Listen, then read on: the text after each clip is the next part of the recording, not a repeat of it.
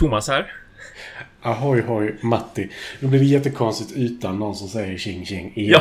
Ja, eller hur? Jag känner att det blir det. Det är som inte riktigt lätt att öppna med det, Man svarar på det. Man svarar med Man säger det inte som ett tja, liksom. What's up?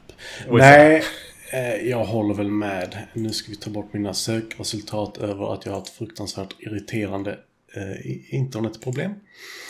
Eh, som jag har stört mig på. Jag hoppas att det där äh, har löst sig permanent. Eller åtminstone under den här kvällen. Att det har löst sig. Det kan vara så att jag bara behöver köpa en skärmad kabel. Det är nog det enda som Aha. behövs. Mm -hmm, mm -hmm. Det är ett problem. Sen är det löst. Eh, tror jag i alla fall. Jag ska testa. Men... Eh, jag har bara kanske 20 nätverkskablar att testa så jag vet inte. Sådär ja. ja. Mm. Eh, som ni kanske märker så är Micke borta även denna gången. Ja, eh, visst. Men... Ganska legitimt. Ganska legitimt, ja. Alltså när man, när man har föräldrar eh, som hälsar på och sådär, då, då tycker jag man ska spendera tid med dem. Speciellt när man kan det. Eh, det är ju på, i butiken så, eh, alltså mina kollegor och tillika chefer tre av de bröderna så att säga, de har ju sin pappa som brukar vara i butiken under både somrar och jular. Eller ja, mer vinterperiod, inte bara runt julen. Och han eh, och vi också blev ju väldigt ställda under just förra året såklart när det inte, man kunde som inte ses på det viset. Det var ju som väldigt farligt såklart för speciellt föräldrar. Så att han var ju som borta under ett och ett halvt år i stort sett. Och det känns jättekonstigt för vi är så vana vid att ha honom i butiken pratandes om framförallt pussel för det, det är han duktig på och han är duktig på att hantera kunder och han är duktig på så här kolla hur, vad finns på lagret, vad ska tas ut från lagret, vad ska fyllas på, upp på hyllorna, kan vi städa någonstans liksom så att han är som en liten så här en pyssel pysselpappa på det viset. Som en, som en liten, eh, vad heter det, som en liten tomtenisse eller någonting. Ja, som men det är alltid bra. Ja, men man så. behöver sådana som, vad ska man säga, ofta inte riktigt, nu säger jag ett mick nu säger jag inte att detta gäller Micke. Men däremot, alltså folk som... Man vet inte alltid riktigt vad de gör, men så fort de är borta så inser du de gör rätt mycket. Ja, det är ju det att man gör. Jo då, Micke oh, märker man att han är borta, så mycket kan ju jag säga. Ja, ja. Eh. Shit ja. Det tycker jag. Eh, men, i alla fall. Eh, välkommen till Mindy, avs eller Mindy News avsnitt 49. Ja. Vi gjorde lite reklam, eller reklam. Vi pratade faktiskt redan lite i veckan om vad vi skulle prata om. Precis, försöka skapa någon slags hype. Ja, jag vet inte. Ish. Hur mycket hype det blir, men... Nej, nej, visst. Jag blev hypad på spelet du skulle spela i alla fall. Och du blev hypad på spelet jag spelade. Eller hur, ja. Oh ja, oh ja. Så vi skapade hype för oss själva. Ja, men inte annat. Men det är jättebra. Jag vill höra vad du har att säga och du vill höra vad jag har att säga. Så att då är det åtminstone någon som man pratar till och inte bara så här medan jag sitter och pratar så kollar du Kickstarter-nyheter och, och så vidare. Nej, men det blev lite så för du berättade ju om Nemesis och jag bara så, jag började ställa frågor direkt. Sen bara, men jag kommer ju bara höra det två gånger ändå. Ja, så bara, ja. nej, nu är jag tyst. så vad har du spelat sen sist? Jo, eh, huvudämnet då. Jag, jag har faktiskt spelat Space Corp också, spelat i solo igen. För att jag, det blir ju så. Alla, alla vet ju det om man har hängt med här länge, att, att jag sitter och tänker på Space Corp mest hela tiden. Och ju mer jag tänker på det, desto mer tänker jag på det. Alltså får jag det inte spelat med jämna mellanrum, då fortsätter jag att tänka på det och hur kul det skulle vara. Så att dels har jag spelat eh, ett och ett halvt parti Space Corp solo. Och så här... Jag spelade faktiskt med, mot Christian Space Corp. Åh, oh, hur vad tyckte, vad tyckte han? Han blev eh, lite kär. Men se vad trevligt. Inte lika kär som han blev i Maracaibo dock. Mm -hmm. för, eh, för, där sa han det här ska jag nog köpa, sa han direkt. Men du, du bor liksom Oj. tio minuter bort nu. Oj. Kan ja. köpa det. Kan Nej, det eller, det skulle vara så. Eller hur, faktiskt ja. Och, jag kan säga att det varit en sån reaktion efter Nemesis också. För vi spelade på fem pers och det är ju maxantalet. Mm. Eh, och en av killarna i gruppen han så här fler än en gång, han bara hmm, tusen spänn sa du. Hmm, alltså jag vill ju ha det här. Men, men, liksom. Det är ja. lite men. Jag ska bara vara duktig. Förlåt. Du kan prata. Jag ska hämta en penna för jag är så jävla ja. analog. Så himla analogt av dig. Att vara analog, inte för att det här är analogt också, men, men jag kan rekommendera folk att titta på bara för att jag tittade på det tidigare på YouTube. Jag såg någon sån här äh, Varför var Weezer med? Alltså gruppen, musikgruppen Weezer med och lanserade Windows 95. Lanserade och lanserade, men var en stor del ändå fanns med på liksom Windows 95-skivan. Man kunde liksom, man kunde ju starta upp musikvideos och jag minns det här själv så sjukt tydligt också när Win 95 kom och att det fanns faktiskt Weez musikvideos där och det var så stor grej också och så himla häftigt att bara wow musikvideo på datorn så här och vilken kvalla ungefär. Men jag som aldrig riktigt reflekterat över men varför Weezer så här? Ja, jag hittade en liten dokumentär om på Youtube så den ska jag kolla färdig på senare. Men det var framförallt var det roligt att bara gå tillbaka till hur allting såg ut 95 och hur det såg ut med MS-DOS och gud Jösses, ja. Flashback. MS-DOS. Jag kände att jag missade intro till detta, men MS-DOS lät väldigt intressant. Ja, jo, ja, du, får, du får lyssna på det här avsnittet själv bara för att du ska få veta vad... Jag gjorde, bara för att du gjorde en, en analog referens och tyckte att åh herregud, jag är så analog av mig. Då var jag tvungen att gå tillbaka till till gamla Windows 95 och DOS. Inte för att det är analogt, men det är just för att det är retro ändå. I, i, idag känns det ju väldigt gammaldags och väldigt retro kan jag tycka. Och så bara nämnde jag att det finns en intressant eh, dokumentär på Youtube om, om varför Weezer var med på Windows 95-skivan. Att man kunde titta på musikvideos med den artisten, den musikgruppen.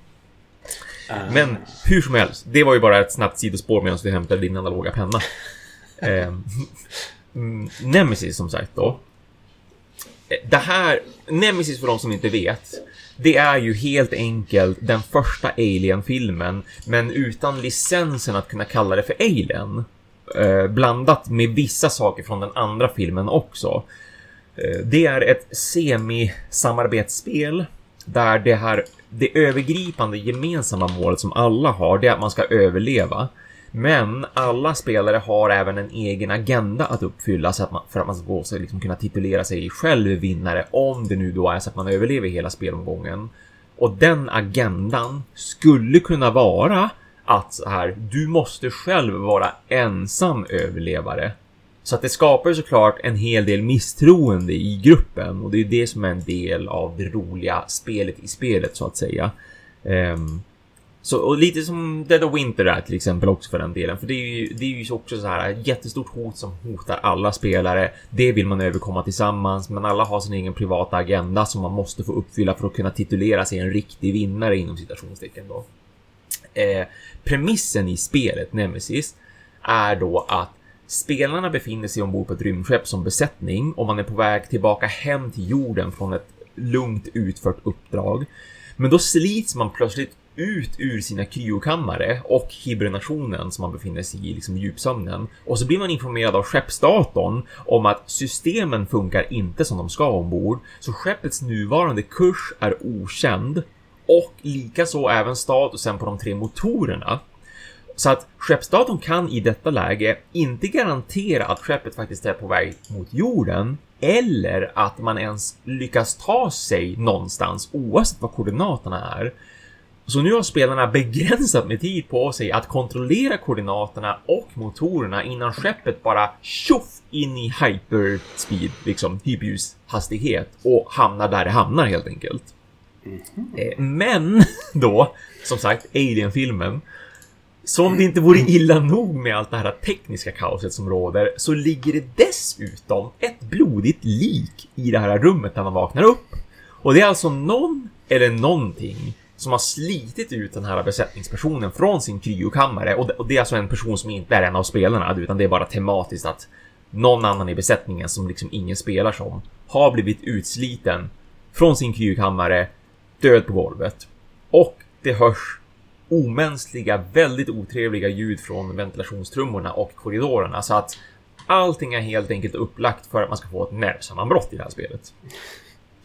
Eh, och jag tänker hålla mig väldigt kort kortfattat ändå, eller ska försöka hålla mig kortfattat till just spelmekaniken, för det finns så sjukt mycket att berätta om i det här spelet och alltså att försöka ta sig igenom alltihopa och nämna alla grejer. Bara att nämna grejer kommer att ta tid, så att jag tänker inte gå igenom på detalj, utan jag tänker som ganska övergripande säga hur funkar det här? Och kortfattat då. Man har ett begränsat antal spelrundor på sig då att försöka överleva ombord på skeppet och styra det rätt samt att uppfylla sin egen agenda. Och varje spelrunda, då turas spelarna om med att man gör två handlingar vardera genom att slänga kort från sin hand tills dess att man istället säger pass. Och när alla spelare har passat, då händer diverse grejer ombord på skeppet som ingen kan styra över utan som slumpas fram både genom händelsekort och genom att man drar upp alien-brickor ur en liten tygpåse. Och varje spelare har en egen karaktär med lite personlig startutrustning och även ett par unika handlingskort i sin kortlek med handlingskort. Så att alla har en kortlek. Några av korten är likadana, men några av korten är också unika för den karaktären som man har. Och när man påbörjar en spelrunda, då drar alla spelare fem handlingskort till sin hand. Korten kan man antingen spela ut för att få den egna effekten som liksom finns på kortet. Eller så kan man slänga kortet helt enkelt för att få utföra endera en rumshandling som då alltså är specifikt för det rum man befinner sig i på spelplanen. Eller så utför man en av de bashandlingarna som alltid finns tillgängliga för alla spelare, så som till exempel att förflytta sig mellan ett rum eller attackera en alien eller byta föremål med andra karaktärer. Så väldigt klassiska typiska bashandlingar som man kan tänka sig. Mm. Och just till en början av spelet, under de första typ två eller tre spelrundorna, beroende på hur saker ter sig, då kastar man de här korten väldigt hejvilt. Man bara bränner igenom sin korthand så, så bra och snabbt man kan för att man ska få utföra så många handlingar som möjligt under en och samma spelrunda och så att man snabbt kan få blanda om sin kortlek då när den tar slut. När det inte finns några nya kort att dra ifrån i en, i, under en spelrunda. Alltså för att vissa av korten därigenom då ska kunna användas igen när man drar dem på nytt. Men när det då väl börjar finnas en risk för att aliens dyker upp då är det bra att ha kort kvar på handen innan man säger pass för att kunna kontra om man skulle bli överraskad då av att en alien hoppar ut från ingenstans. Så huvud, huvudmekaniken och upplägget i Nemesis, det är alltså att man spenderar spelkort från handen för att utföra både bashandlingar och de handlingarna som finns på korten samt i de olika rummen. Eh, och Eh, när en spelare känner sig nöjd då med sina turer, då passar man och när alla spelare har passat, då händer det massvis med grejer ombord på skeppet som slumpas fram och i åtta fall av tio åtminstone så är de ju riktigt dåliga förstås. Men det går att slumpa fram saker som förvisso kanske är dåliga, men på grund av omständigheterna så händer då ingenting. Att så här, ja, men en, elds, en eldsvåda sprider sig. Ja, fast det finns ingen eld. Och då sprids den ju såklart inte. Eller, ja, en alien får för sig att agera på ett visst vis. Ja, men vi har inga aliens på spelplanen, alltså händer ingenting. Så att man kan, man kan ju komma undan de här händelserna på det viset. Men vad som då bidrar till den tryckta stämningen och paniken under de här spelrundorna medan man gör sina handlingar och som man hela tiden känner liksom det är ju frågan såklart. När dyker en alien upp? Var dyker en alien upp någonstans? Och det har i huvudsak med förflyttning att göra. För när en spelare då förflyttar sig till ett rum, då hör man oljud från en av de här anslutande korridorerna till det rummet. Vilket visas med gula spelmarkörer som man placerar ut på spelplanen i de här korridorerna. Och så snart som det råkar finnas två sådana markörer i samma korridor, då dyker en alien upp i det här rummet som utlösas, som, som den utlösande spelaren befann sig i just då. Och nu, nu blir det liksom fara och färde, såklart, efter det. Så att ju mer man utforskar av rymdskeppet, desto fler ljudmarkörer på spelplanen, desto större blir risken att en alien dyker upp någonstans och börjar äta på spelarna. Så det blir ju, det blir såklart då en hel del stridande också emellanåt. Tärningar som rullas, spelkort som dras, man kollar hur mycket skada som delas ut och sådär. Och den lilla extra kicken i stridandet mot aliens, det är att ofta blir man infekterad av det. Mm. Vilket innebär att man placerar ett infektionskort i ens kortlek med handlingskort. Och den ligger bara där och tar upp plats den ska bara liksom den ska bara göra din hand värre när du drar kort och så råkar du dra de här eh, contamination cards som de kallas för, infektionskorten. Då kan du inte använda dem till någonting. Du får inte spela ut dem för att göra bashandlingar. Du får inte spela ut dem för någonting annat, heller rumshandlingar, utan de är bara där för att vara i vägen. Och sådana kort mm. går ju såklart att bli av med med en viss procedur. Och det är en bra idé att bli av med dem, för de kan både permanent döda av din karaktär men de kan också, om du har kvar dem genom hela spelet, trots att du har överlevt allting och spelomgången avslutas, kan det innebära att du förlorar spelet om du verkligen på riktigt är smittad. Om du har en liten gosig alien i din mage, då vinner du inte. Då, då, då förlorar du helt enkelt. Um, och det är liksom allting i väldigt korta drag. Väldigt korta övergripande drag. Bortsett från att jag också ska säga att man kan förlora spelet då.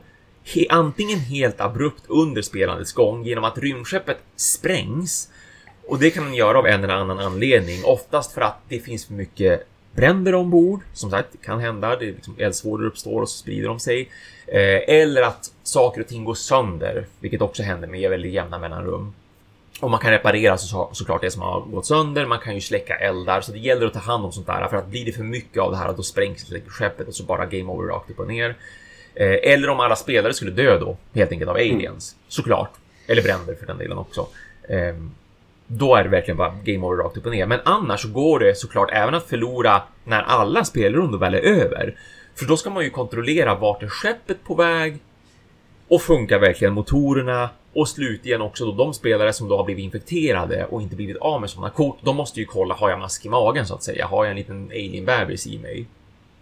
Ja. That's it. Det är liksom det är Nemesis i väldigt stora korta drag. Eh, det är en det är en fantastiskt rolig upplevelse och det är det man måste verkligen gå in med när man spelar spelet. För du, och så tycker jag att det är ganska ofta med just den här typen av spel, alltså Dead of Winter och, eh, och Nemesis med flera också. New Angeles från New Angeles från, från Fantasy Flight Games till en viss del också. När man har den här, dels folk sitter med olika agendor framför allt. Det finns hemlig information, man får ljuga för varandra om man vill det, för man behöver inte tala sanning om till exempel när jag reparerade motorn och sa verkligen att nu har jag reparerat motorn, vilket jag för övrigt gjorde också. Jag spelade faktiskt på den goda sidan. Ish liksom. Eh, så att jag ville, jag ville överleva, men eh, jag ville överleva med ett alien-ägg, för jag, jag tillät mig jag tillät mig att bli uppköpt av the corporation, corporation liksom. Att storföretaget mm. har sagt att vi vill ha ett alien-ägg på jorden. Så här klassiskt. Och mm. också Alien, liksom filmerna trots allt. Bara, det här måste vi studera, det här är värt massa pengar. Så att du får en stor fet bonuscheck till din lön om du tar med dig ett Alien-ägg hem. Så jag ville ju att vi skulle överleva, men jag måste överleva med ett alien-ägg. Alien-ägg kan man å andra sidan också använda sig av till, till så här bra grejer, till exempel ta reda på vad är aliens svaga mot så vi har lättare för att slåss mot dem. Och då när en av de andra spelarna tyckte att de, de, de tyckte att jag betedde mig lite konstigt i vissa situationer. Att jag verkade ha så himla bråttom med att få alla att bara gå och sova. Och så skulle vi liksom, liksom lägga oss i Q-kammaren igen, sova och spelet skulle ta slut och vi skulle kunna kolla våra objektiv cards och se vem som vinner och sådär. Så tyckte de att jag var lite väl rush, jag var lite väl rushig med det och inte riktigt lika mycket teamplayer som de andra. Så en av spelarna sa så här. Du Thomas, jag tycker vi eh, initierar en, en, ett byteshandel här. För du och jag står ju på samma rumsbricka och sådär. Eh, jag skulle vilja ta ditt ägg ifrån från dig. Och jag bara, eh, nej. För det är ju inte, såklart, ska man byta måste det vara ömsesidigt. Man kan inte bara mm. säga, snygg pistol du har, jag tar den i min trade eh, action. Utan då måste vi båda gå med på det. Så att när han frågade om mitt ägg så sa jag ju blankt nej. Och då blev ju alla andra bara, Thomas? Vem jobbar du för egentligen? jag bara, de som betalar oss och jag betalar er för jag spelade kaptensrollen dessutom. Så att jag gick in ganska mycket ändå för att jag hade den här rollen som jag hade med mitt objective card. Att det sa liksom så här ska du, det här ska du göra och då agerade jag lite efter det. Ja. Och som att med den här typen av spel då där det finns hemliga agendor och folk kanske gör det de vill göra. Det kan ju bli problem med vissa spelgrupper såklart när man liksom inom citationstecken motarbetar gruppen. Sen hade jag ju ihjäl aliens. Jag gjorde mitt bästa för att ta oss hem. Som sagt, jag reparerade verkligen motorn när jag sa att jag reparerade den och så vidare. Men eh, som de säger även i Shut Up and Sit Down eh, recensionen som är väldigt, väldigt, väldigt bra och väldigt genomgående så här att en av fem spelare kommer förmodligen att hata det här spelet och det har ju att göra med hur man hanterar den situationen då när till exempel ja, men tre spelare säger till den fjärde spelaren att är du bussig och lägger två stycken kort för att aktivera det där rummet så att vi kan göra den här grejen som är bra för oss alla liksom. Som gör att vi kan bli färdiga med spelet. Och så säger den spelaren istället, ja fast Alltså ett av mina kort som är kvar på handen just nu, det tillåter att jag söker igenom det här rummet efter ett vapen och jag är ganska sugen på det. Så nu söker jag igenom det här rummet efter ett vapen. Och så tycker alla andra kanske att man är en douchebag för det. För att man liksom, man ser ändå om sig själv lite grann. Det är klart man vill vara beväpnad när det finns en massa aliens överallt. Ja. Och, och då gäller det ju att hantera den saken som sagt. Så att man får inte tänka så himla mycket på att vinna eller förlora. Och speciellt den här egna agendan. För det är fortfarande en vinst tycker jag, både i Dead of Winter att överleva och i Nemesis att överleva. Sen, sen vinner vinner man ju om man uppfyller sin agenda liksom. Men då gäller det som sagt att ta det bra och, och se väldigt mycket Nemesis som, som sagt, lite mer av en upplevelse och som ett, nästan en rollspelsgrej liksom. Att man är med om en massa händelser som man kan återberätta för andra spelare och tänka tillbaka till nästa gång man träffar de spelarna. Ja. Uh blir det så som att din agenda gör att ingen annans agenda går att slutföra? Eller är det liksom Nej, men- tre kan vinna med agendorna också? Ja, ja ab- absolut. Vad jag, vad, vad jag har sett av de agendorna som, som vi hade nu och som jag har sett sedan tidigare också. Så har ingen riktigt sådär brutit någon annan utan det kan tvärt, det är snarare att de absolut kan, det kan, det kan samarbeta lite grann också så, såklart liksom. Alltså Okej. det var någon annan av dem ville också ha ett ägg men för en helt annan anledning. Eh, någon ville bara att äggen skulle försvinna och ta slut för att man skulle bränna sönder nästet som finns någonstans som bor på rymdskeppet där alla äggen läggs. Och sen var det en spelare som faktiskt valde ett sånt här roligt. Antingen dör spelare nummer fem och man får då tilldelat till sig siffror när man börjar spela så att man vet vem är spelare 1, 2, 3, 4, 5 och det, det justeras aldrig under spelets gång. Till skillnad från till exempel vem är startspelaren just nu, vem är first player. Men, men de här siffrorna de får man tilldela och så är det bara så. Och så då vet man att okej, spelare nummer 5 måste dö liksom. Eller så måste antingen skulle spelare nummer 5 dö eller så skulle han vara ensam om att överleva. Och någon annan kan ju lika gärna också ha så här, någon måste dö. Det spelar ingen roll vem, det finns ingen siffra, men någon måste dö. Så att då hade de ju som kunnat samarbeta om de hade vetat om varandras uppdrag. Eller att man ser lite grann att, ha, försöker du ha ihjäl någon? Det kanske jag kan hjälpa dig med för att nummer fem behöver dö för mig. Utan att man säger det högt såklart, men Ja. det, det är det som gör det intressant också. Ja men det, det blir ju alltså... Det blir ju väldigt lätt att rollspela på det sättet också. Oh ja. Ja, ja, Alltså verkligen. när, när man verkligen har så här, märker att de beter sig konstigt men på Mm. ett sätt som gynnar mig för tillfället. Ja, ja. Och sen, Precis. nu vet jag inte exakt hur det funkar men att verkligen sådär, det kommer en alien, så vi stänger dörren bakom oss, han dör, Precis. det går bra för oss båda. Vi går skilda vägar sen. Ja, men just nu exakt. samarbetar vi för att få det gjort. Exakt, exakt. Det är ju en sån här rolig grej som händer emellanåt. Som hände även då igår. Med speciellt såklart just han som försökte ha ihjäl en spelare. Att han stängde ju dörrar lite kors och tvärs och hade dessutom den egenskapen. Det var så himla passa, det var så himla passande för några av oss. Vad valde vi för karaktär och vad fick vi för agenda i slutändan? Ehm, för jag med min agenda, jag kunde beordra andra spelare som kapten. Det är ett av mina superkort, så att säga, mina personliga kort liksom. Att jag kan rent utav säga åt en spelare att nej, nu gör du så här och då måste den spelaren göra på det viset. Det är som att jag kontrollerar den karaktären när jag spelar just det specifika kortet. Eh, och jag kan även rent utav säga åt en spelare att nej, det där hände inte. Om det påverkar mig direkt som karaktär så kan jag säga nej liksom. Ehm, och han då som spelade pilot, han har väldigt bra kontroll på skeppet och väldigt bra kontroll över systemen på skeppet. Så att för oss andra att öppna och stänga dörrar, alltså öppna, vadå öppna en dörr? Man spränger den. Det var liksom mitt sätt att öppna dörrar på som kapten. Men, eh, men för honom så var det bara... Kaptensöppning kallar vi det. Ja, ja precis. Det kallar vi perfekt. För- För honom var det bara så här, jag trycker på en knapp så öppnar jag en dörr. Och det kan man göra i ett av rummen. Det finns en kontrollpanel som är för hela rummet, för hela skeppet där man då kan öppna och stänga dörrar. Men då måste man ju befinna sig där. Men för honom så räckte det med att befinna sig i stort sett vilket rum som helst och bara få det kortet så kunde han bara beep, nu öppnade jag en dörr här, eller nu stängde jag en dörr här. Och det gjorde han ju då med jämna mellanrum för att försöka fånga den här spelaren nummer fem med en alien och hoppas på att han skulle dö. Diskret. Eller hur? Jo, väldigt. Och då, då började vi närma oss slutet lite grann och han hade faktiskt panik här i talet för han hade som inte spelat så mycket efter det målet till en början. Men sen helt plötsligt när det var så många aliens och han själv riskerar att dö. Då förstod han att shit, jag kanske faktiskt borde spela mot det här eh, mitt objektiv liksom. Att jag måste ju försöka ha ihjäl någon eller ha ihjäl alla. Och att ha ihjäl alla skulle inte gå längre för jag hade redan sett, satt mig liksom i kryokammaren och var i djupsömn. Då kan ingen röra mig. Det går inte. Ingen alien heller. Så att då är man Okej. safe verkligen. Och det är ju en intressant grej det också att att, ja men vill man fega ur inom citationstecken eller vill man bara helt enkelt vara safe och man känner att nu har jag uppfyllt mitt mål. Då kan man bara kasta sig in i en kryokammare och i sådana fall så, så kan ingen röra dig. Men det man kan göra, alltså om, om då spelare blir arg till exempel på den som, den eller de som väljer att bara, nej men bye bye guys, alltså jag är färdig med mitt objektiv så jag tänker inte liksom försöka hålla på och slåss mot aliens tillsammans med er bara för att ni ska bli färdiga med era agendor.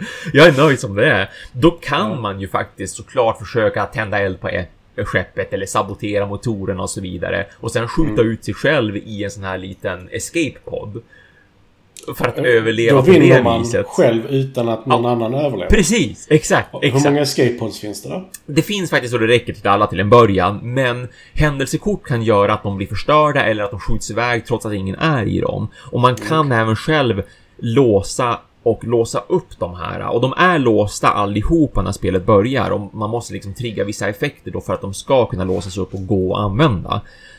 Men det finns fyra, det finns fyra escape pods totalt men varje escape point rymmer två personer, så det finns ju gott om plats. Man kan ju vara max fem spelare och det finns plats för åtta totalt sett då. Men om en spelare som sagt hoppar då in i en escape pod och bara sticker, då är det ju effektivt två platser färre ändå. Så att där kan ju hända mycket verkligen. Mm. Nej, roligt. Jätteroligt var det verkligen. Det var en blandad kompott av spelare där. Som sagt, jag sa ju att en av dem var så här, hmm, tusen spänn, hmm, jag var väldigt sugen. Det här skulle jag kunna tänka mig att köpa och vilja spela mer av. Och egentligen alla var positiva på det viset. Alla skulle absolut vilja spela det fler gånger.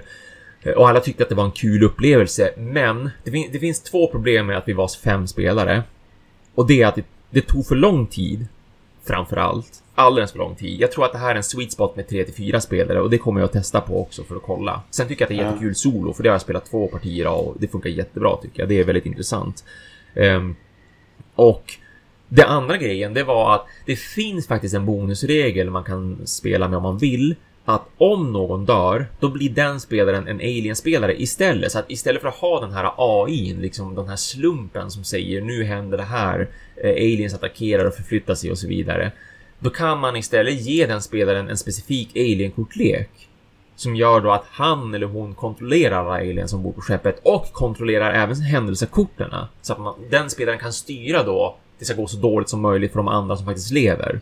Ja. Men det är fruktansvärt obalanserat. Alltså jag tror ja, det kan jag tänka mig. De är rätt så kraftfulla. Alltså. Ja, jätte. Och det är inte nog med att det är kraftfullt i sig då med hur korten ser ut och att nu är det ju plötsligt en smart människa. Liksom det finns en, mm. det finns en mind bakom det här som ju gör kloka beslut, inte slumpmässiga beslut. För det i sig är ju väldigt kraftfullt såklart. Men mm. som om inte det vore värst så alltså det värsta det är att eh, alla aliens får agera mycket mer ofta.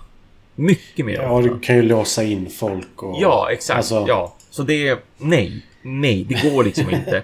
Dels tar det för lång tid för att plötsligt så får du fortfarande en spelare. Du får en spelare som måste tänka på ett annat vis, ska tänka mot de andra spelarna och som agerar som de andra spelarna mer eller mindre. Men mm det, liksom, det, det, det, blir ett extra moment där som tar, ex, som tar väldigt mycket tid, tyvärr. Så att dels att vara fem, ingen bra grej och dels att spela med det här, ingen bra grej. Så att nästa gång vi spelar, oavsett hur många som är med eller inte med från just den här gruppen jag hade med mig nu igår, eh, så så vill vi ju spela utan det och vi vill gärna vara färre. Och vi kanske rent av testar full co-op, för det finns regler för det. Det finns specifika objekt, äh, agendor som då gynnar hela gruppen så att säga. Så att alla spelar för den här agendan istället ja. för att man då har sina privata.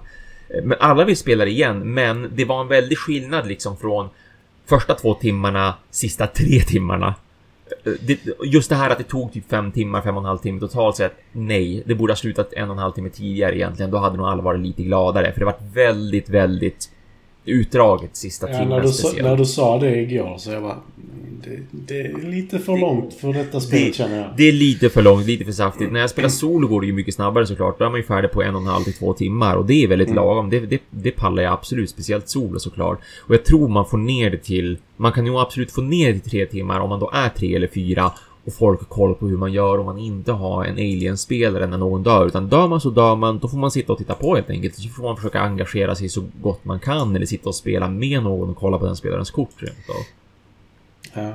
ja. men det verkar, alltså, som sagt, det verkar jätteintressant och jag... Jag var ju en sån ett sånt pucko som betalade 250 spänn för att titta på Alien på bio liksom. Ah, ja men det- gud ja. Det, det finns ju vissa filmer jag vill se på bio som jag inte fått se på bio för de kom innan jag föddes. Nej men visst, jag håller med. Jag håller med. Jag vet Och hur det är. var en av dem. Ja, ja. Mm, mm. Eh, Så absolut att detta är Ja. intressant. Men det är ju en ganska giftig summa för att testa. 10 000. Om man säger så. Precis, för att testa. Åh, på tal om att testa. Jag kan superrekommendera alla som är sugen på just testa och inte vill pröjsa tusen spänn för att testa. Alltså Tabletop Simulator. Den modul som finns där, som är från, jag tror 2018, som nog är när de gjorde första Nemesis, för de har ju hunnit trycka det två gånger via Kickstarter. Nu finns det ju butik Ja. också då. Ehm, den modulen som finns där från 2018 eh, den är faktiskt väldigt bra, väldigt fungerande. Jag tror den uppdaterades senast 2020 i samband med den nya tryckningen. Och den är otroligt bra skriptad. Väldigt, väldigt praktiskt skriptad. Det är precis så där man vill ha det. Alltså, från första, från första sekunden så är det bara knapptryck för att kunna sätta i ordning alltihopa. Hur många är ni som spelar? Ska du spela solo? Vill ni spela kooperativt? Eller vill ni spela mot varandra?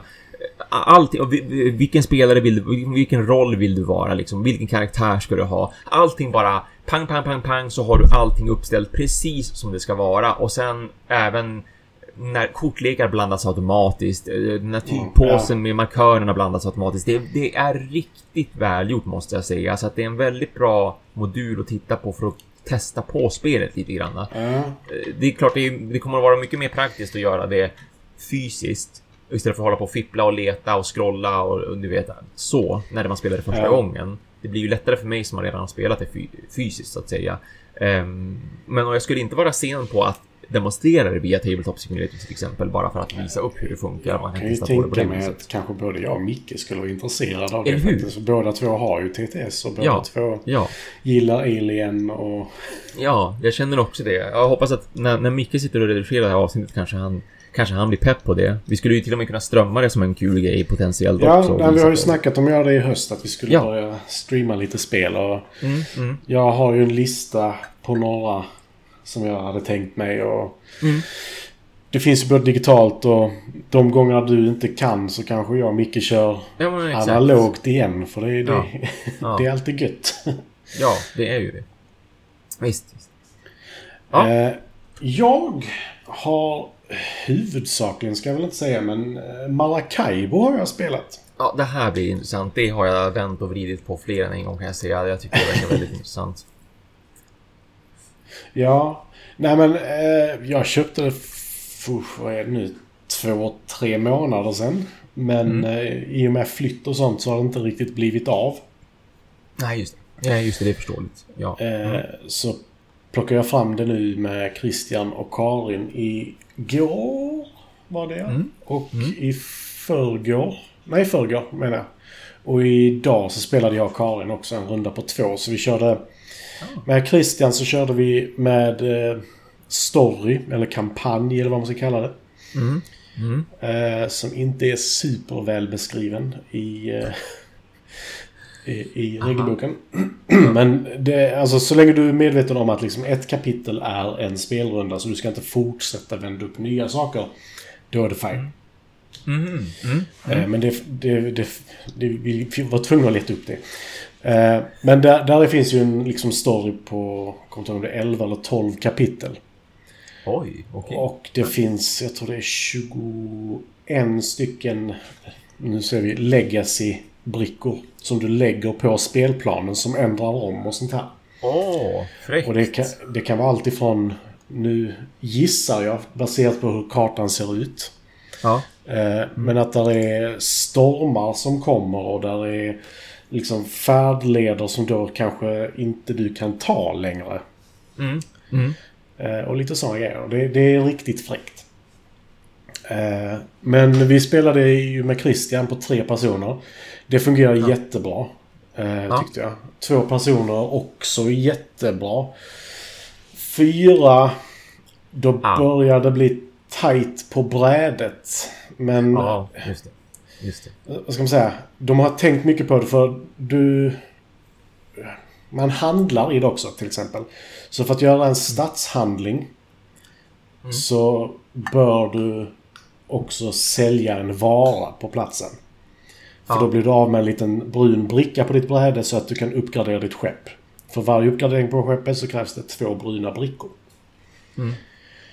Eh, och då vill du ju bli av med så många bruna brickor som möjligt för att du vill uppgradera ditt skepp och få poäng och lite, lite olika saker liksom. Mm, mm.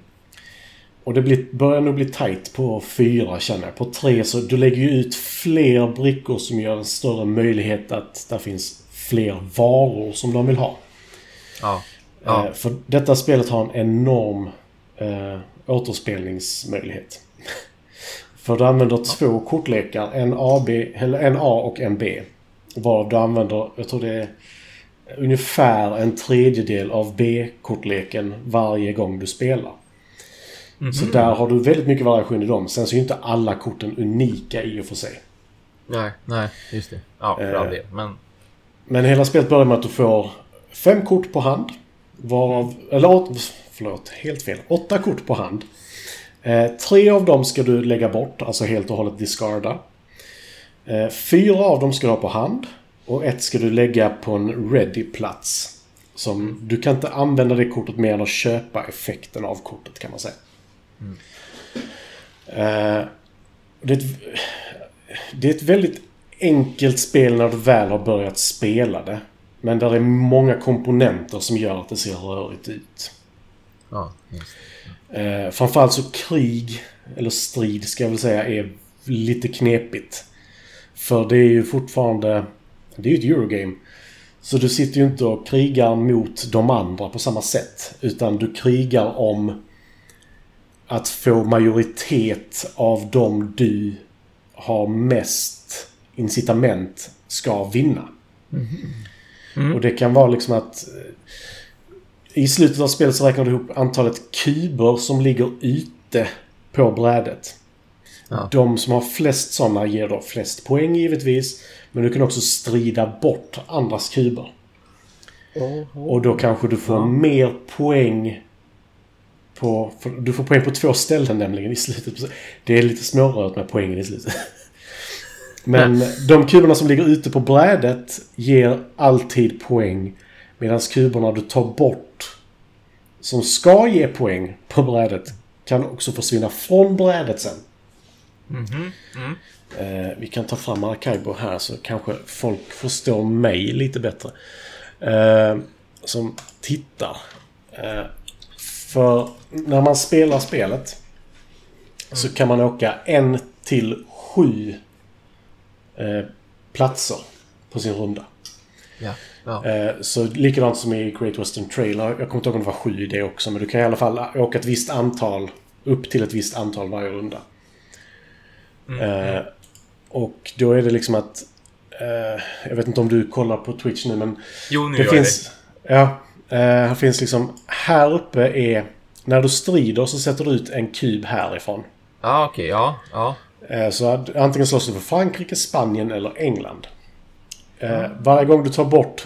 Eller när du tar bort en kub första gången så får du ett poäng gånger hur långt du har kommit på den här mätaren med hur väl du är vän med dem kan man väl säga. Mm, mm. Sen krävs det två kuber för varje poäng. Eh, och då sätter man ut kuberna på de olika platserna. Och sen så finns det en handling som är typ... Den kostar... Det, det är det här som är lite rörigt med... Det finns combat points. Och sen finns det combat points. Vad bra att de heter samma. Ja. Men inte gör samma. Ja, men för du, du, du har combat points och sen så blir du tilldelad combat points från nationen. Aha. Ja. Eh, och du kan då använda dina combat points för att plussa på deras. Mm. Eh, men i alla fall, man kan slå bort då andra länders rutor för... Här ser du att det står... Man får ett, två, tre poäng för att vara Eng, äh, strida för England just nu. Mm. Gånger då hur långt du har kommit på de här röda märkena. Ah, På den här mätaren. Okej, ja, ja. Så det är gånger ett, gånger två, gånger tre, upp till gånger sex, har jag för mig det var. Ja, ja. Eh, Men om det då ligger dessutom fyra stycken Englandkuber ute på kartan. Då får du ytterligare fyra poäng om den har flest kuber ute. Ja, ja. Så då blir det helt plötsligt massa mer poäng. Eh, och det, det är... Alltså detta spelet har quests, det har strid, det har eh, exploration. Coolt. Det har... Ja, Eh, underbart. Ja, nej men alltså det, det finns så mycket att göra. Och du kan liksom åka runt öarna på olika håll för att komma längre eller komma till vissa platser. Ja. Man kan sätta ut assistenter på öar som gör att du får en annan handling när du åker dit. För på byarna så kan du göra en till tre handlingar. Beroende på hur många steg du tagit för att ta dig dit.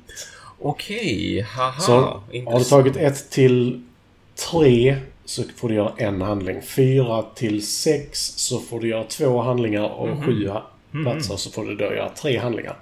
Sen finns en uppgradering på skeppet som minskar de här stegen också. Mm. Eh, Men sen så i städerna som är de här brickorna som man lägger ut. Ja, ja. Då ska du då lägga ut en vara, i detta fallet majs eller sockerrör. Så får du då göra den handlingen som står efter. Så korten man har som spelare. Ska vi se om vi hittar ett bra kort här. Eh, här har vi någonting. Eh, har till vänster sida en tobak, i detta fallet en vara. En av de övre på vänster sida. Sen en nedre som har med questsen att göra. Då behöver du ofta två Mm, av samma det. symbol för att lösa ett quest. Ja, ja. Eh, och då, då börjar ju med att du har en handstorlek på fyra kort. Och sen kan du uppgradera på skeppet så att du har upp till sex kort på hand också. Eh, Så allting gäller liksom hela tiden att anpassa vilka kort vill jag ha ute. Är det värt att behålla kortet för att göra en eh, quest? För problemet är att är du inte först på den questen så försvinner den för dig. För det, det kommer liksom inte upp en ny quest direkt. Ah, aha. Mm. Eh, och sen så finns det då, ska vi tänka här, det finns bruna effekter som händer när du spelar kortet. Gröna effekter som är, det ökar din, mellan varje runda, så antalet dubloner du får. Eller pengar. Eh, och även victory points mot slutet som den räknar mot. Mm. Eh, och sen finns det röda som är permanenta effekter. Till exempel att du får varje gång du klarar ett quest så om du har fler kompasser till exempel. Så får du två dubloner per kompass du har. Mm. Eh, och det, det är liksom mycket att hålla ordning på. Och sen så finns det fem stycken bonus tokens. Som är till exempel ett ankare. Då får du varje gång det är ett ankare så får du i detta fallet ytterligare två stycken bonuspoäng som du lägger på i slutet av spelet. Ja, ja. Eh, I detta fallet så kostar detta combat. Fyra combat points som du har på ditt bräde för att få ut. Just det, just det. Ja, ja. Eh, vanligtvis så kostar de ju pengar. Och sen får du victory points om du spelat ut korten. ja, ja. Eh, Shit, ja. Så liksom det händer så mycket hela tiden. Ja, verkligen. Eh. Men detta var inte de bästa bilderna heller. Eh, Men det, det, vi körde ju dels på tre och dels på fyra spel. Här har vi hela brädet. Eh, Så längst här nere så har man en Explorer, Explorer track. Och det är då en handling att gå på, gå på tur kan vi kalla det. Eh, och då går du upp till det antalet steg som du blir tilldelad. Och när du då går förbi vissa barriärer så får du till exempel tre stycken poäng att sätta ut på en av nationerna du stöder. Stödjer här det. Den som kommer över först får fyra poäng. Den som kommer över sen får två poäng. Likadant där och sen så är det då i slutet så är det typ bara poäng du får här. Eh, Men spelbrädet ser ut så här generellt sett att där är... eh, Här är antalet dubbloner du får mellan varje runda. Här är victory points mot slutet på höger sida. Eh, hur, vilken relation du har till de olika eh, nationerna som du då får poäng för i slutet. Ja. Eh, och här är hur man så här, mellan runda 1 till 3 räknar poäng och lite sådana här... Inte poäng utan vad du får göra liksom i slutet innan du börjar nästa runda. Eh, sen så, så är det ju ett Fister-spel. Vilket innebär att i slutet, den som först kommer till sista platsen avslutar spel, eller rundan. Mm. Mm. Eh, vilket innebär att om det är någon som åker sakta så kanske de inte ens har kommit halvvägs innan en person avslutar det. Ja, just det. Ja, ja. Så du vill inte ha för mycket ute på brädet som du vill besöka. Mm. För helt plötsligt kanske du hamnar efter och det finns bra saker i slutet. För korten som har assistenter du placerar ut sent på kartan. Deras effekter är ofta väldigt, väldigt kraftfulla. Medan de som är tidigare på kartan kanske inte är lika kraftfulla. Mm. Så det är anpassat så också. Eh, det, det, det är så mycket att hålla ordning på i spelet och det är... Ska se om jag kan hitta en Det var ju en, stridsbricka. verkligen en väldigt matig spelplan onekligen med så all Ja. den informationen håller. Jag ska säga, här har du spelarbrädet. Ah, okej, så där har vi vår egen lilla, jag höll på att säga båt, men ja, det är typ, ja, Det är potentiellt båten. en båt det ska se ut som. en jolly. Eh, Ja. ja, därför du har ju Hamn. alltid ett visst antal assistenter du kan sätta ut som hela tiden alltså, rullar. Så du kan alltid... Du kan alltid, eller inte alltid, du kan ha upp till åt, sex assistenter har för mig det. Men du börjar Ja. med två och sen kan du få nya genom olika handlingar då. Mm, mm. Eh, sen så låser du upp, du lägger två sådana här bruna pluppar på varje plats ju. Och du tar bort en per vara du levererar. Det finns andra sätt också. Men framförallt varor du levererar. Ja. Och då ger det dig liksom, här är den bonusen med att om du åker mer än två så får du två handlingar. Mer än fem så får du tre handlingar. Så då har det sänkts två steg liksom. Eh, poäng, alltså det, det är så mycket och det ser så rörigt ut när man bara tittar på det.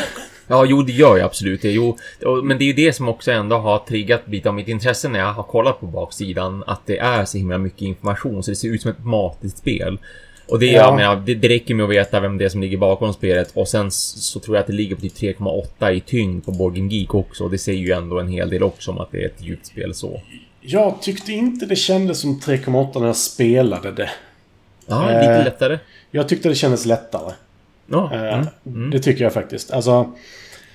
Jag har svårare... Nej, vänta. Det, det har höjts nu förresten, så det var ingenting. Eh, men... eh, vad heter det? Cooper Island låg på 3,7 innan. Nu ligger det på 4,2 har jag för mig. Oj, oj. Eh, det tycker jag är värre. Men det är när du blandar in de här free actions som finns i både detta och i Cooper Island. I Cooper Island så free actions, det finns liksom sju stycken olika gratis actions du kan göra varje runda. Det är för mycket. Alltså det, det är så mycket att hålla ordning på. Ja, ja. I, I detta så är det mer eller mindre att du kan lägga ner ett kort på din ready-platta liksom. Så att du kan inte handla med det kortet mer utan du kan köpa kortet bara men du kan inte använda det som en vara längre. Utan du liksom låser det för att du vill han eller köpa det sen liksom. Mm. Men det, detta spelet är verkligen, jag har varit superrörig för det är alltså... det är jättesvårt att förklara detta tycker jag. Ja, hur gick det första gången när ni skulle spela det egentligen? Alltså tidsmässigt och sådär. Tidsmässigt så tog det väl... Vad kan det tagit? Två och en halv till tre timmar. Ja, Så det är inte, det är inte jättefarligt. Nej, visst. Inte jättefarligt. Eh, men samtidigt så, där var några fel vi gjorde. Eh, inte jättestora, utan vi gick alltid det antalet steg som vi fick på Explorer Track till exempel. Ja, Eh, ja. så, men det, ibland så gynnar det ju en faktiskt att gå kortare för att du får bättre effekter. Ja. Eh, Just det. Ja, men det är sant. Ja. Och det är intressant. Det är det ju verkligen. Ja. Så att man inte Sen känner att så man hamnar storyn- efter heller. Mm. Ja. Nej, men sen storyn... Eh, nu har vi bara spelat kapitel 1, men det är liksom... Ja. Pesten har utbrutit. Och sen så... Det var ju inte bra. Och så löser man typ hittar en läkare. Och sen så kan man då gå olika vägar därifrån. Och vi valde ju en väg. Och det var liksom så här, för oss var den given. Eh, jag vet inte om jag ska spoila första kapitlet, men där, där är det liksom verkligen... Du kan gå två olika vägar helt enkelt. Mm. Mm. Eh, men jag tyckte det var helt fantastiskt. Christian sa ju liksom jag, vill köpa det direkt. Eh, Mm. Karin, jag frågade liksom orkar du köra en runda till idag innan så vi har lite mer mer att prata om liksom. Ja, Som just, bara, ja. Ja, definitivt. Vi kör en gång till. Eh, och, och hon sa ju också det att har du spelat det två gånger så fattar du ju spelet betydligt bättre. För det, det är ju vår princip är liksom att första gången du spelar det gälls inte för då lär du dig spelet. För jag tycker Nej, även visst. om någon förklarar för dig ja. hur du, alltså hur du får poäng i slutet. Mm. Så är det först när du själv ser det hända som det verkligen klickar. I alla fall för mig. Oh ja. Ja, men absolut. Mm. Eh, och här ser vi också när har placerat ut lite assistenter på olika platser. Ja, just det. Just det Eh, ja. Det är Så då får man då liksom att när det gula skeppet stannar på en gul sån så får den en specialeffekt då som den gör. Ja. Ja. Eh, Karin hade dessutom både när jag, Christian och Karin spelade och idag att varje gång hon eller jag stannar på en utav hennes assistenters plats så fick hon ett poäng. Så hon fick rätt mycket poäng på det sättet. Det kan jag tro, ja. Ja, visst. Det kan jag tro. Ja. Det lär ju Sen- vara absolut eh, gynnat henne bra och räntat. Ja. Eh, sen eh, i striderna så off- officiellt, eller vad man ska säga, så kan du bara sätta ut kuber på ett visst antal platser. Eh, och det är de som har en liten röd flagga på kartan. Här ser vi några olika. Eh, och det är där du sätter ut dem då för att få liksom, effekten av pengar eller poäng. Det upp- Ja. uppgår till, jag kommer inte ihåg, tre eller fyra, vilket inte är så mycket. Och här ser vi en legacy-bräda som har bytt ut en annan plats. där du Ah, också får en krigsbit Ah. också. Ja, ja. Eh, och det är så du får nya gubbar. Bland där och första rutan kan du också få en ny gubbe, liksom. Assistent som du kan sätta ut sen. Eh, men... Eh, vad var det jag tänkte säga? Öh, jag tappade bort mig helt. Strunt samma. det, spelet sig är väldigt kul. Men striden är lite jobbig att lära sig i början för du tar en sån här stridstoken, eller vad man ska säga. På den så står det hur många poäng du får för att strida för varje land. Ja. Så något, om, om eh, England kanske får tre eh, combat points och två guld säger vi. Medan du kanske får sex combat points med Spanien men det kostar dig två guld. Mm. Och alla de här är ju olika. Och ibland så kan det vara att om du slåss för landet som har mest inflytande, eller mest kuber ute, så får du minus två combat points, eller vad som helst. Det finns massa olika sådana här saker som liksom gör ditt val svårare. Mm. Och sen så eh, vill jag visa den här biten också, för när du slåss då kan du göra, för antalet combat points du har, får du då göra ett visst antal handlingar. Så den första handlingen du kan göra är att bara gå upp ett steg på den här lilla mätaren. Det kostar dig två poäng. Mm. Eller fem poäng att gå upp två steg. Mm. Sen kan du även då sätta ut en kub och gå upp ett steg. Mm. Och då kostar det dig fyra poäng. Eller så kan du ta bort en annan spelares kub och göra samma sak. Just det, ja just det. Ja, Och då ja. kostar det sex poäng istället. Mm. Mm. Och sen denna handlingen har vi aldrig gjort så jag har inte läst på om den för den låter... Den ser krånglig ut. Okej. Jag tror du får, du får sätta ut en kub på eh, en by där du har en assistent. Som jag tolkar det. Ja. ja. Just det, Eh. det skulle jag också tolka det som. Ja, absolut. Eh, Och sen så- får du någon slags inkomst. Gånger Ja. pengar där. Mm. Pre- Precis. Antalet kuber som du har assistenter på tre eller... Jag har Ja. inte läst på om just den saken för den har inte dykt upp än. Men ikonografin är i övrigt ganska bra tycker jag. Alltså... Eh, du här är sådana extra actions du låser upp. Här är det ju att du får gå upp ett steg på din combat-mätare. Och en poäng.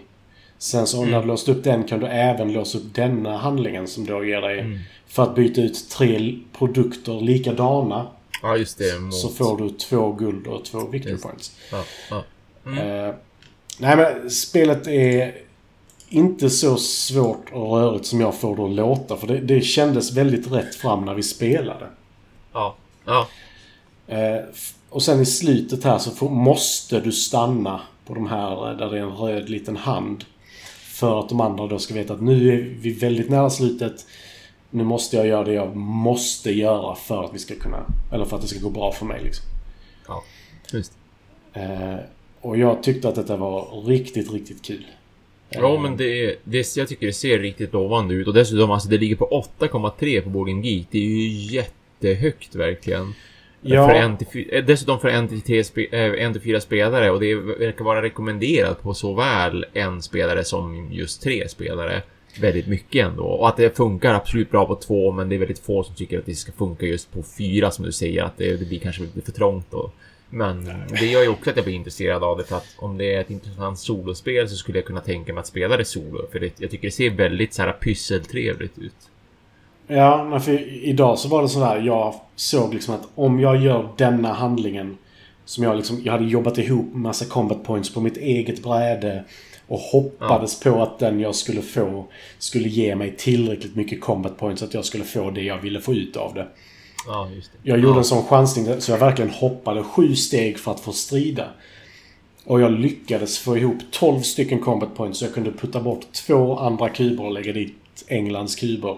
Så att jag fick jättemycket mer poäng i slutet liksom. Ja, ja, Eh, ja. Och det, det kändes rätt bra. Att jag verkligen lyck, lyckades få igenom det. För det, det är inte säkert för du vet aldrig vad det står på de här eh, combat-grejerna. Utan du, Ja. du kan ju vara helt körd liksom att men jag fick två combat points för den nationen jag ville strida för. Medan Ja. en annan ger dig sex combat points. Så då är frågan liksom, kan jag gör, gör fortfarande gynnas av detta? ja, just mm. Eh, Så det, det, det händer väldigt mycket i spelet men det, det, det kändes aldrig överväldigande. Här har vi en sån eh, battle där man kan titta. Ja, just det. Just det. eh, om den, den översta biten här, det är den som inte är helt hundra. Men står det plus så är det att den som har minst kuber får tre svärd. Mm. Och är det två stycken som ligger lika så är det aldrig... Då går den aldrig igenom liksom. Eh, och står det ett minus framför så är det den som har flest kuber ute på brädet. Mm. Eh, som får minusen då. Men här, här får ju Frankrike fyra stycken combat points. Spanien får du två dubloner och två combat points. Och England får ett victory point och tre stycken combat points. Mm. Eh, Så det är liksom... Varje sån här bricka är ju lite annorlunda liksom. Och det är... ja, alltså det, det, det finns så mycket men det känns aldrig överväldigande. Cooper Island tycker jag känns väldigt överväldigande. Okej, ja. Eh, ja. Det är också Capstone Games i och för sig, men det är inte Fister. Eh, men... Det, jag tyckte verkligen om detta och kommer att spela det flera gånger. Eh, väldigt många fler gånger tror jag dessutom. Eh, Ja, mm. För det, det är sånt där... Jag har inte testat sololäget. Jag hade tänkt testa det om inte Karin ville vara med idag. Men det ville hon absolut vara, så då, ja, men då testar jag den en annan gång. För där möter du Sean, tror jag det är. Som då hela tiden plockar bort en sån här brun plupp och åker då ett visst antal steg. Och i och med att Ja. du kan åka olika vägar så står det på kortet om han vill åka uppe eller nere. Vilket gör att ofta så kommer Sean se till att det kanske går lite snabbare än vad du vill. Mm. Och han får ju alltid ett visst antal poäng för varje ruta han släpper loss också. Så det, det verkar intressant. Ja. Eh, För jag... Ofta tycker inte jag att det är så mycket kul AI i spel. Eh, När man kör solo. Den jag tycker Mm. bäst om är nog faktiskt Outer Rim hittills. Eh, AI i det. För att den känns som en spelare som bara är jävligt duktig. Ja, jävligt duktig. Ja. ja. Ja, misslyckas aldrig med en dice roll liksom. Nej men precis, till exempel. Det är bara fusk. Ja, nej, det, det är helt okej liksom. Men jag, jag vann faktiskt mot den häromdagen så jag är rätt nöjd. Ja, kul. Nice.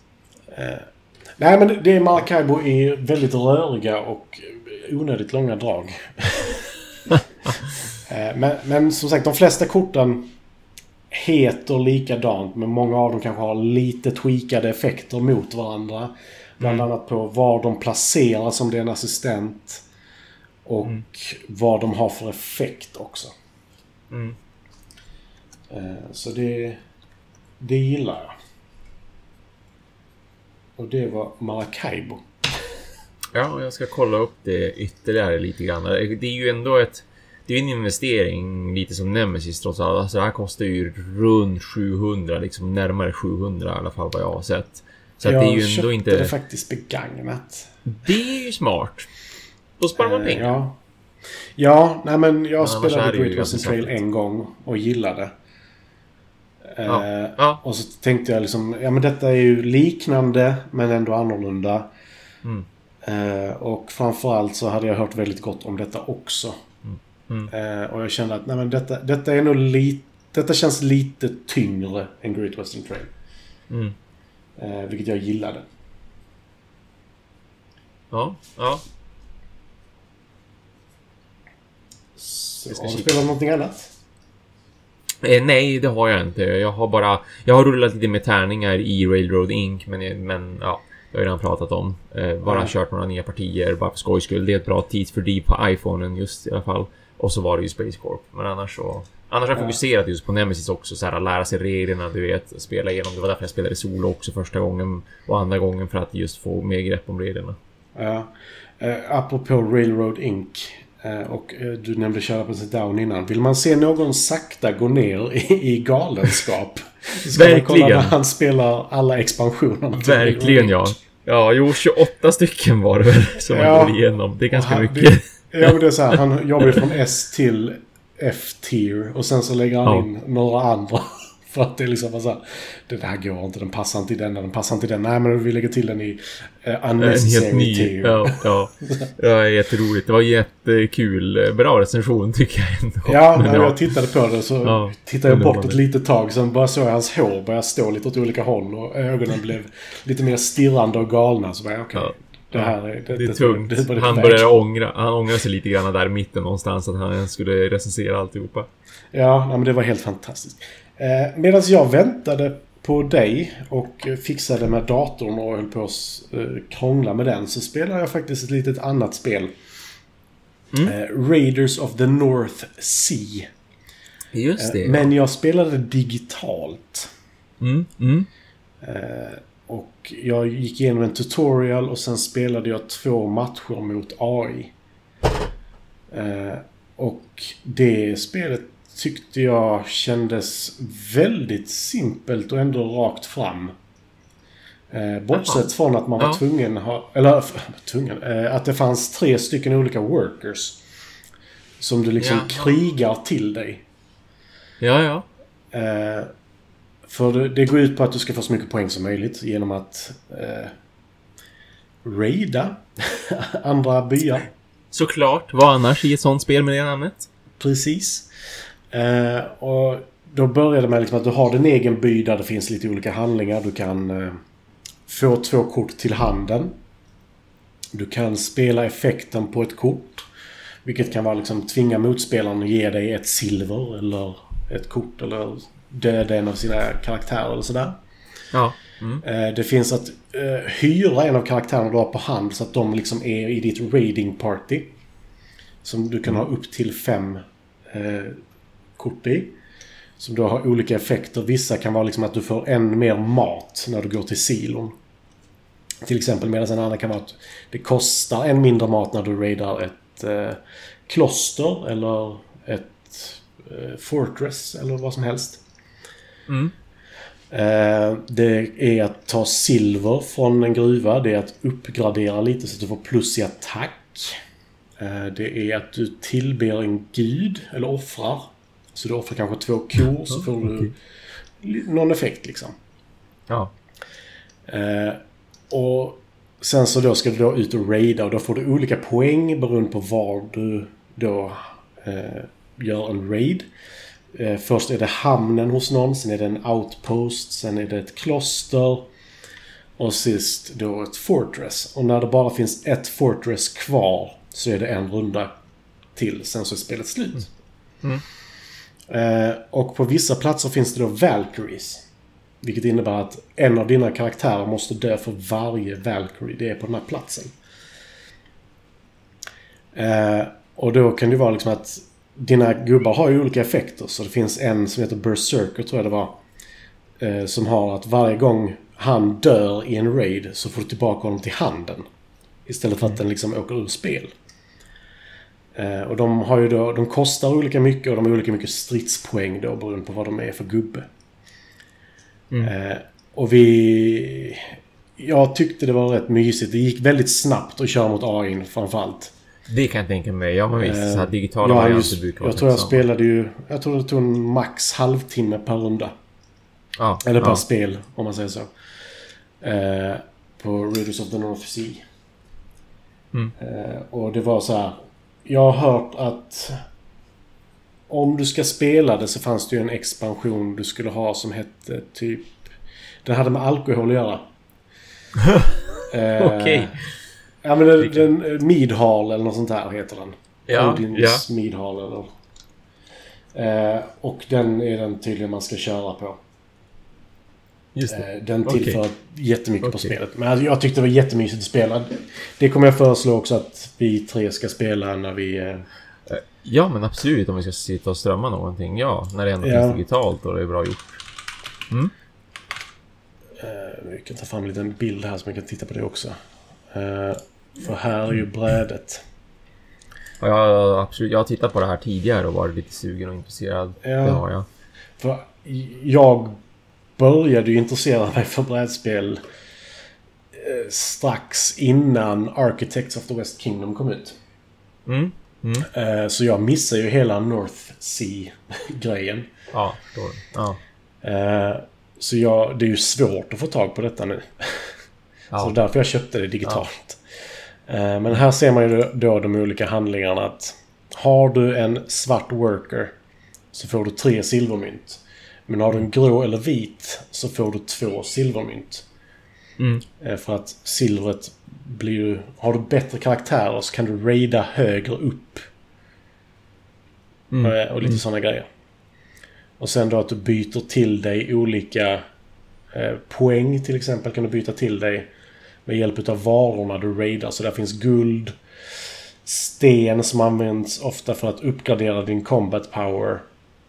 Och sen Mm. finns det även kor som du då gör mat med i långhuset eller också victory points. Eh, jag tyckte det var riktigt mysigt och riktigt kul. Eh, och jag älskar ju The Mikos stil. Jag tycker den är helt underbar. Ja, ja, ja. Jag håller med. Ja, ja. Eh, Oh, ja. så jag, jag, som sagt, jag bara spelade två rundor på en timme typ. Eh, för jag satt och var Mm. irriterad och kände att jag behövde avreagera mig och jag var trött på att skjuta saker i huvudet. Ja, men det var, det var ja, men, eh, bra eh, två timmar alltså. Initialt så, eh, så är du pepp på mer. Ja, absolut. Alltså, sen så när du slåss på de här högre nivåerna, då får du även rulla en tärning. Eh, och då blir det lite mer chans helt plötsligt att...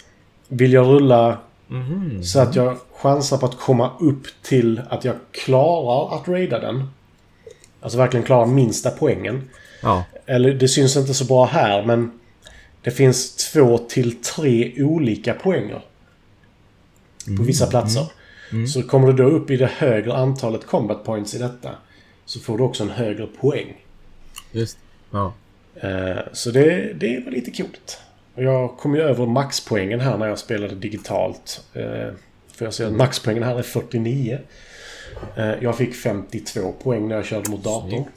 Eh, Så jag är jätteirriterad på sådana småsaker. När man tar Ja, sig... just det. Nej, men när det, det. finns, när det finns tryckt ett visst antal poäng. Ja. Ja. Gör det inte så.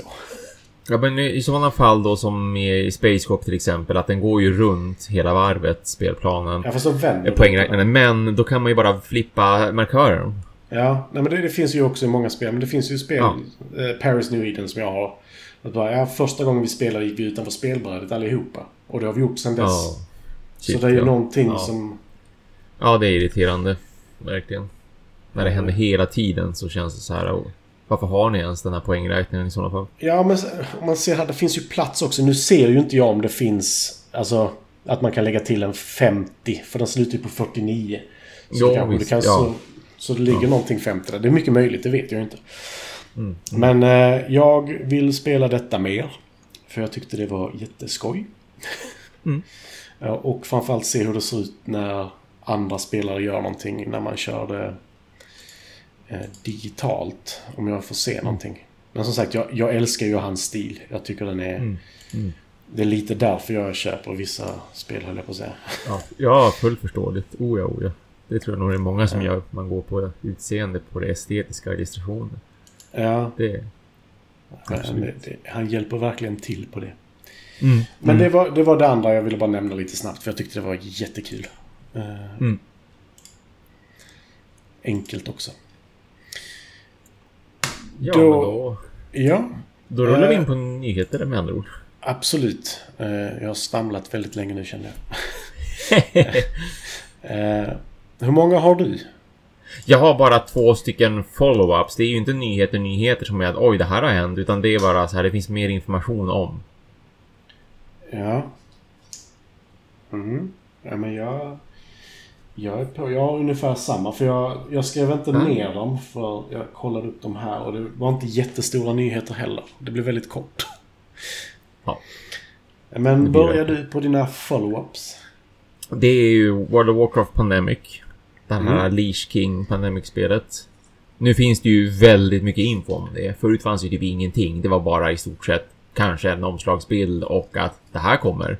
Men det spekulerades ju väldigt mycket i då att jaha okej men hur ska det adapteras liksom till pandemic-systemet? Vad är det som ska vara pandemin så att säga? Hur, hur ska det här spela sig? Och hur kommer karaktärer potentiellt att göras och allt sånt där. Och nu finns det ju jättemycket och liksom man kan se på spelplanen. De har gjort en jättesnygg, väldigt fräsig trailer som är väldigt så här Väldigt Blizzard. Väldigt Mm. mycket. Det kommer en ny expansion till World of Warcraft. Den är Ja. väldigt cinematiskt coolt, snyggt gjord och sådär.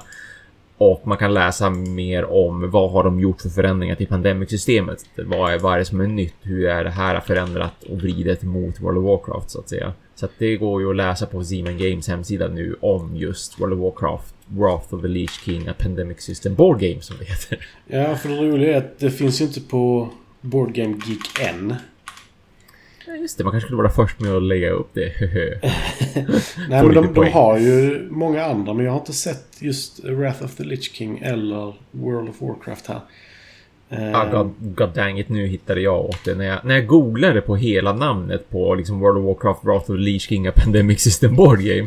ah, Då hittade jag en entry. Det är inte hela, hela namnet. Det, det är World of Warcraft Wrath of the Leech King som är liksom spelets namn. Och sen inom parentes är ju liksom A Pandemic System Board Game. För det är så det ska funka numera med Pandemic-spelen. De ska ju ha det som en parentes att det är ett Pandemic System. Eh, så att det inte behöver finnas med i titeln. Men då Ja. dök det faktiskt upp att det ska Reimplements Pandemic och att det släpps 2021 och lite information om liksom speltid och hur många spelare och allt möjligt sånt där. ja, för jag, jag såg ju videon innan idag och Ja, då visade de ju brädet också. ja visst, Och jag visst tyckte ja. det såg väldigt litet ut. Det, det är ju... Det, Tight, alltså det, ska vi eller det hur? Med tanke på hur plottrigt det ändå är, vad vi ska kalla det för, och hur mycket de har tryckt in liksom. Mm. För det finns ju lite delar av World of Warcraft the Board Game och Warcraft the Board Game och sådär i det som det ser ut. Och jag har varit också överraskad över hur, hur litet det känns med tanke på allting som, som de har tryckt in i den. Och, så att ja, ja, jag är överraskad. Men samtidigt ska ju vara Pandemic System, så jag förstår att de inte vill göra det till allt för mycket av ett eget spel då antar jag, utan det ska Ja. liksom vara mera normal stor, inom citationstecken, normal stor spelplan. Mm, ja, för jag bara tyckte... Titta, de hade ju... Nu har jag glömt vad han heter. Han heter han Arthas? Heter han det? Ja, heter han väl? Ja, jo, Ja, Arthur. eh, hans figur, om det var den jag såg som... Den var väldigt stor Ja, i förhållande Den är väldigt till stor. Och där har du ju, där har du ju en bonus då med att göra allting litet, för han ser ju ännu större ut, tänker Mm. jag mig. Ja, men han tog liksom upp en tiondel av kartan kändes det som. han Oh, ja. stod på den. Oh, ja, gud ja. Jo, han, eh, ja, mm. jo, han ska vara väldigt towering som spelpjäs. Det ska han ju vara. Jag misstänker Ja. att det är en designgrej där, så ett medvetet designval, verkligen, verkligen. Ja, vi kanske inte ska prata om vad som händer på Activision Blizzard just nu. Men Nej, det ska vi inte tänka, utan vi... Det blir för långt. så bra.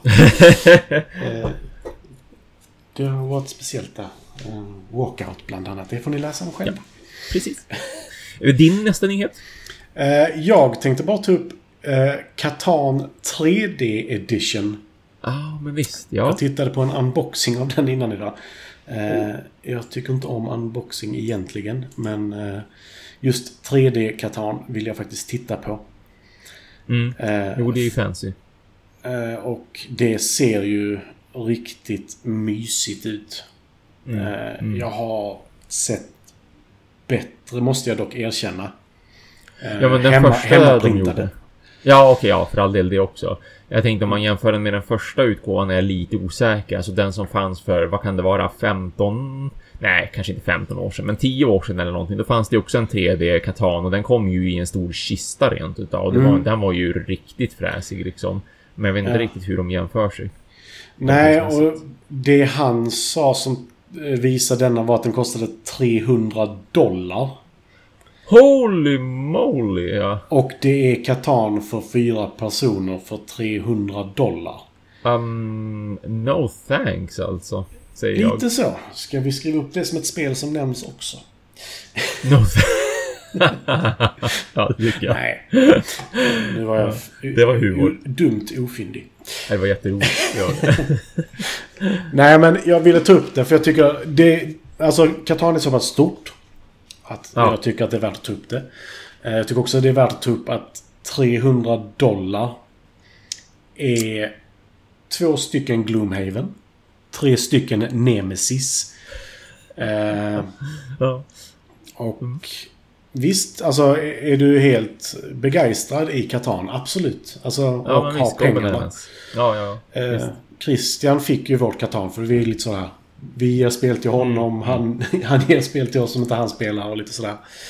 Eh, och vi byter spel liksom mellan oss och får vi veta att ingen av oss kommer sälja det. Utan det är bara, han tycker bättre om detta, vi tycker bättre om det. Ja, men då gör vi ett byte däröver liksom. Ja. Eh, men... Eh, Alltså 3000, jag har svårt att svälja det. Och sen tycker jag att vägarna ser ut som... Alltså som att någon har bara lagt grejer på. Det ser ut som en väg nästan. Ja. Ja, Om det finns nej, jag, bilder här. alltså jag tror rent av att det kan ha varit lite, lite snyggare gjort faktiskt. Den, den här uh, Collector's Edition som kom i en trälåda. Jag tror faktiskt att spelpjäser och sånt där såg aningens bättre ut rent spontant. Och jag vill minnas att den inte var riktigt så dyr ändå. Alltså nog, den kostade säkert så här 1500-2000 spänn. Det, det tror jag nog absolut att den gjorde. Ja. Men, men alltså 300 dollar var väldigt saftigt för Ja, att just den... Ja. Där har vi tjuvarna. Väldigt Ja, ja. suddiga tjuvar men... Tre stycken varav en har stulit ett får. ja, ja. fo- folk får bildgoogla på det här som lyssnar på podcasten och så får man sig själv eh, avgöra och tycker man att det här ser ut som och känns som någonting som ska kosta 300 dollar. Ja, och jag insåg Det precis jag att var- den, ja. Den här bara laddade upp. Hur funkar detta? Den Mm. visar bara bilderna liksom i alla artiklar som är här. Så jag tyckte att eh, Katan och Rocket Boots inte riktigt håller ihop. Eller lysande katanas. Nej, men jag, jag, som sagt, jag ville nämna det för att jag tycker att Katan är ett så pass stort spel, rent historiskt om inte annat. ja, men absolut. Ja, ja. Eh, att det är värt att nämna. Eh, Mm. Och det ser inte dåligt ut, definitivt inte. Jag tycker det ser betydligt bättre ut än originalet, eller vad man ska kalla det. Sen kanske jag inte tycker att det ser 3000 kronor snyggt ut. Om jag göra det så. Nej, det gör det ju inte. Eh, det, det verkar ju faktiskt som att det ska säljas för 2000 kronor i Sverige. För jag ser ju nu när jag kikar runt lite på brädspelspriser.se att det är ju där det ligger för att boka det från diverse spelbutiker. Ja, Så- och- 2000 känns ju... Det är ju klart Bättre. rimligare. Alltså en tusenlapp mindre är mycket. Det känns mycket rimligare, absolut. Ja, men som jag sagt innan, detta är ju det spelet som gör mig till en sämre människa. Eh, så jag vet inte om jag kommer punga ut 2000 på det. Nej, nej, nej. Nej, absolut inte. Nej. Men ja, nej, det men var en sån här är kort nyhet. Ja. Ja, min, min nästa korta nyhet är återigen som att det är vi tillbaka till så här. Eh, Vi har ju nämnt någon gång, vill jag absolut minnas i alla fall, Masters of the Universe Fields of Eternia, brädspelet som ska komma. Mm.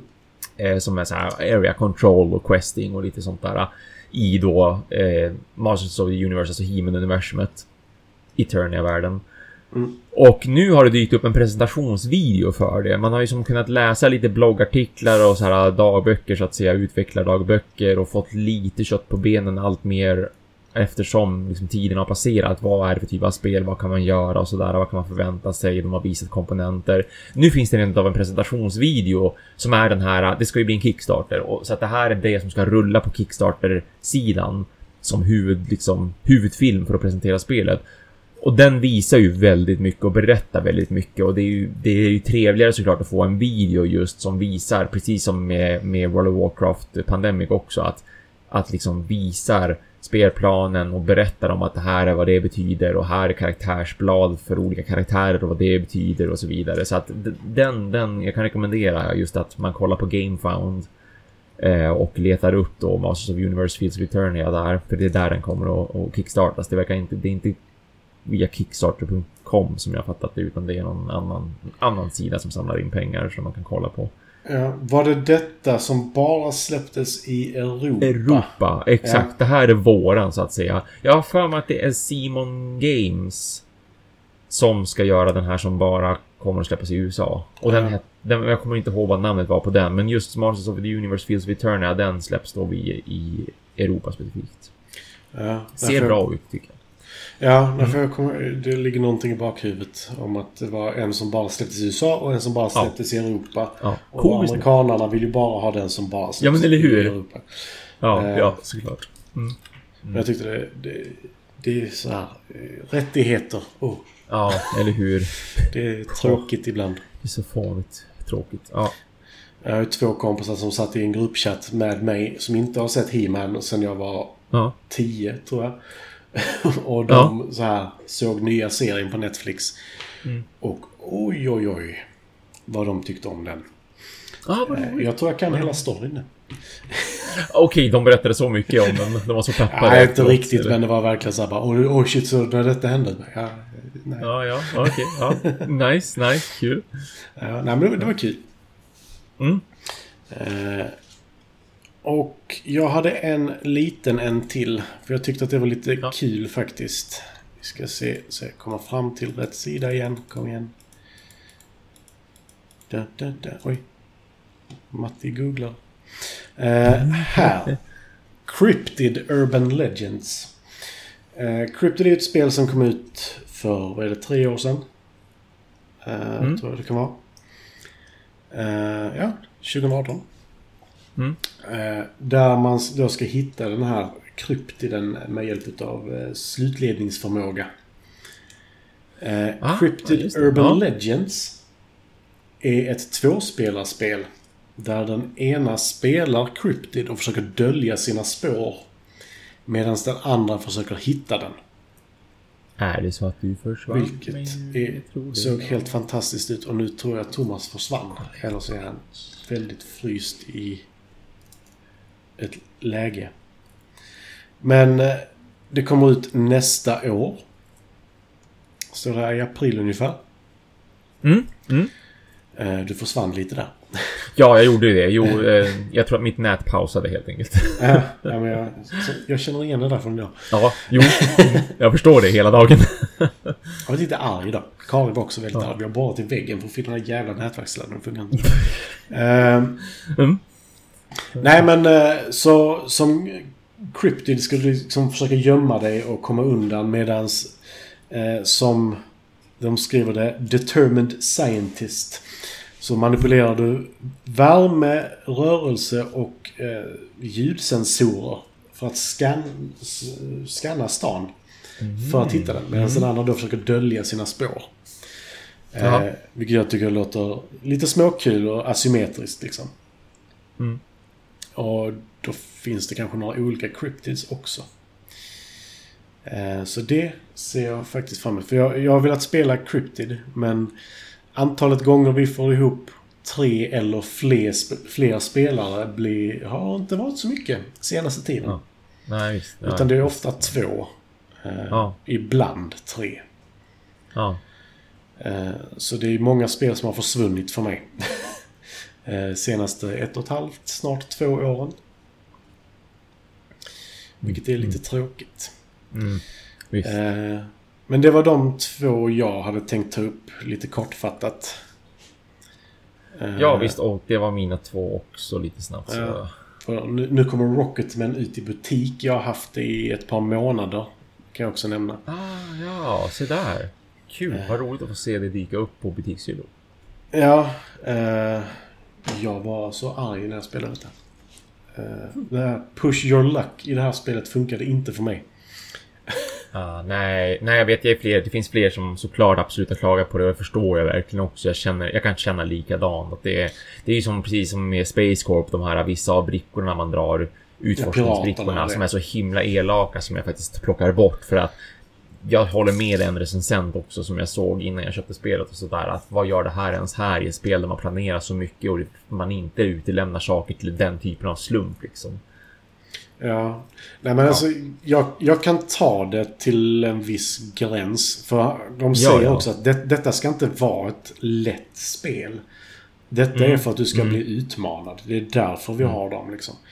Sen att jag har liksom oturen av att dra 18, eller av 18 kort får jag tre nollor. Eller två kanske det var. Alltså, Ja, ja, det, det händer lite för många gånger. För att det ska vara Ja. rimligt.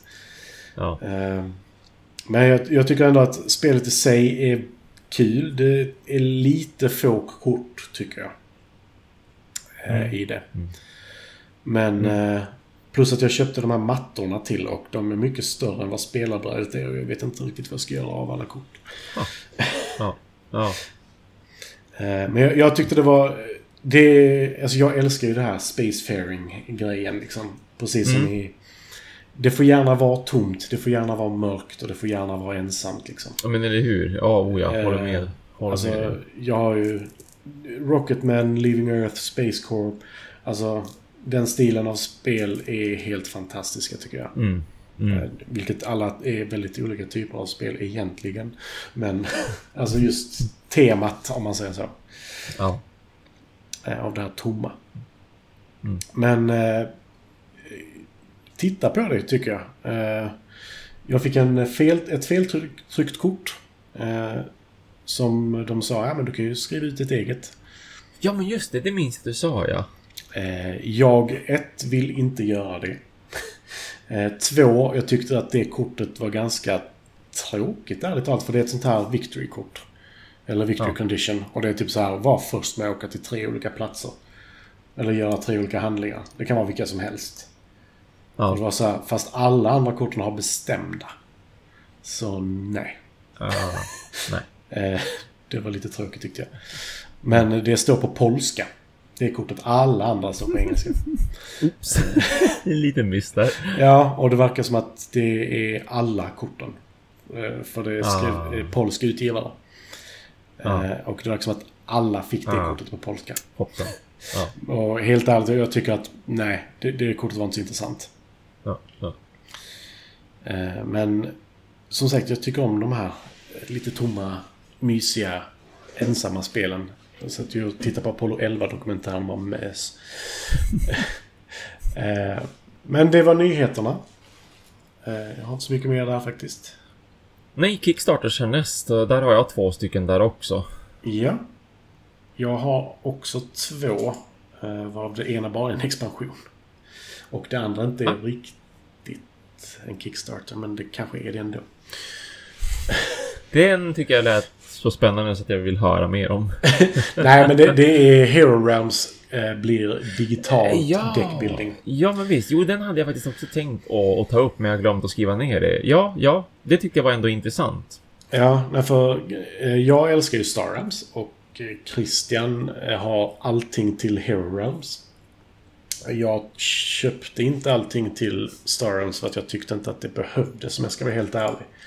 För det kändes lite småskumt eh, i Star Realms-världen. Men här tyckte jag det kändes rätt. För när du väl börjar köra med hjältarna i, det, i Hero Realms så blir det ett väldigt bra spel tyckte jag. Ja, ja. Eh, och med bossarna blev det riktigt kul för jag älskar asymmetrin där jag sitter ensam och skimar mot tre andra liksom. Jag tycker det är skitkul. Mm. Eh, så de ska i alla fall göra en digital version på det. Mm. Eh, och de har ju redan, vad är det, Epic och Star Realms finns ju redan som digitalt också. Mm. Epic fastnar jag inte alls för. Jag tycker bara de lagt till en nolla på ett mediokert spel för att få det att verka som att de är kraftfulla. Ehm, men Hero Rams har jag kört ganska mycket och jag tycker det är kul. Eh, Och pledgar du 25 dollar så får du tillgång till beta. eh, Som börjar redan Ah, nästa nice. månad. Så där, nice. Ja. Eh, och då får du dessutom eh, The Digital Base Set with Online Play, The Digital Cleric Pack, Digital Fighter Pack. Fightern är fucking... Åh, vad den är OP. Eh, Digital Ranger Pack, Digital Thief Pack, Digital Wizard Pack. 30 dollar in gems. Och your Uh-oh. name or username in the app credits. Ja, ja just det. Mm. Så redan där får du det. Eh, och sen så kan du köpa ett Legend-account för 99 dollar. Jag kan tycka att det är lite mycket. Det låter Eh, jättemycket, ja. men du får unlimited gems. Så jag skulle vilja säga att det dessutom är pay to win. Blir det lite Jag vet inte vad du gör med gems. Alltså jag, nej, jag blir jätteorolig över att det finns gems. Det tycker jag inte alls låter jättebra. Men jag vet inte vad de gör heller. Eh, Nej, nej jag, jag försöker hitta information om det också, men... Tycker inte... Potentiellt så är det bara... ehm, någon slags visuella effekter och grejer. In, inte att man betalar för att på något vis ha en... Eh, alltså få en fördel eller vad man ska kalla det för. nej, Men det, ja, det blir intressant att se. du låser pengar till spelet helt enkelt. Ja, Så ja. kan vi formulera det. Det är, så, det är så det funkar. Det är så de tjänar pengar. Jaha, där tournam- tournaments har det tydligen också att göra med att man blir begränsad på något vis med vad man kan, man kan delta i tävlingar. Ja. Ja, ja. Ja, ja. ja. Mm. Nej, men jag, jag tycker att Hero Rams är kul. Det Absolut. är väldigt enkelt. Det är kul. Det är ganska snyggt. Eh, Ja. Digital utgåva antar jag att du får lite kul effekter i också. Ja, videon som de har där, presentationsvideon Kickstarten, det ser väldigt bra ut, det tycker jag. De har ju lite musik, de har lite ljudeffekter, de har lite visuella effekter, så jag tycker det ser ut som att det blir en väldigt bra utgåva, absolut. Ja, nej men som sagt jag, jag tyckte det var riktigt kul med eh, framförallt eh, vad heter det, bossarna och karaktärerna. Att det blir lite olika. Mm. Bossarna tyckte jag var roligast för där är det verkligen skillnad på hur det funkar. Plus att du inte är helt utslagen när du åker på däng liksom. Utan då kan du Ja. fortfarande hjälpa den andra att besegra monstret. Mm, mm. Eh, Jag gillar att han har på sig Starams-tröjan när han gör reklam för Hero Rams. Det är bra. Men det är ju Robert Daughtry. eh, Som är skaparen bland annat, eller designer. Eh, Men sju timmar kvar var det. Så Oj, det- se där ja, just det. Så att det här är ingenting som Ja. kommer upp när man lyssnar på det imorgon. Utan Nej, det jag nu. läste det som sju dagar innan idag. Upsi, upsi. dagar, Ja, ja. inte sju dagar. Men... Det, det kanske kommer en late pledge eller någonting som man kan hoppa in på ifall man skulle missa. Och om inte annat så... Om inte annat får vi ta det som en nyhet just för de som har missat att Hero Realms kommer digitalt. Ja, Och för övrigt, det kommer, till, det kommer ju till Android, Steam och eh, iPhones, alltså iOS. Mm. Så, men jag tycker det är ett kul spel. Eh, sen så är frågan om de gör... Jag har faktiskt inte läst på om det, men... Eh, om de gör som de har gjort med Star Realms, att de släpper varje expansion för sig. Att man köper loss Mm. en expansion Mm. liksom. Eh, Ja, det, en men du får ju digital base set, så jag antar att Ja. du bara får... jag antar också det. Ja, absolut. Det, ans- det att du antar jag också. får cleric packs och allt det här. Ja, ja, inkluderat för 25 dollar liksom. ja. Så det kan vara kul att veta att det finns i framtiden. Ja, Eh, men visst. Som sagt, visst. när jag och Micke spelade... Vad heter det? Mon- Monumenter. Så satt vi och spelade Star Realms samtidigt för att vi väntade Mm. på alla andra. Mm. Så kan man köra Hero Realms istället. Ja, men exakt. I exakt. framtiden. Ja, snabbt. Eh, Så det var en kort. eh, Mm. Och ännu kortare tid kvar, höll jag på att säga. Men det var det kanske inte med nästa. Ja, ja den, den kortaste jag har det är Soul Raiders. Som Så- är så här, eh, Soul Raiders. Samarbetsspel för en till fyra spelare. Kooperativt, äventyrande, utforskning. De kallar det för A New Take on Exploration, Adventuring and Cooperative. Eh, det är åtta dagar kvar på den och det är då ett... Eh, det ska finnas eh, lite drygt 30 timmars äventyrande i det här spelet som är helt i stort sett kortdrivet. Och kort leder till kort som leder till kort liksom. Eh, det är inte bara att man spelar ut kort för att göra sina handlingar beroende på vilken karaktär man är och sådär. Utan det verkar också vara väldigt så här att ett kort leder till nästa kort. Så här, vill, du, vill du titta eh, i den här dörren eller vill du kika ut genom fönstret eller vill du liksom och så vidare. Eh, Beroende på lite choose your own adventure style i Mm. såna här gamla äventyrsböcker. Men att det är spelkort istället. Så att spelkortet säger att du måste överkomma det här för att kunna ta dig vidare. Om du lyckas vänd på det här kortet eller dra fram kort, du vet 58B. Mm. Och så progresserar man genom en story på det viset helt enkelt. Så jag, jag tyckte det såg, det såg rätt snyggt ut. Jag gillar artworken. Och det kan ju potentiellt bli ett intressant spel. Sen har jag lite för mycket av den här spelen just nu. Tre stycken kapitel har jag för mig att det skulle vara med stories för övrigt också. Och det finns ju såklart lite omspelbarhet där också till vad som kan hända i en story. Självklart i och med att det är ett choose your own adventure-aktigt. Ja. Så, så får man se då hur... Eh, vad som kan hända liksom, om man spelar om spelet. De, det går väldigt bra för dem. De har samlat in 2,5 2,5 miljoner svenska kronor.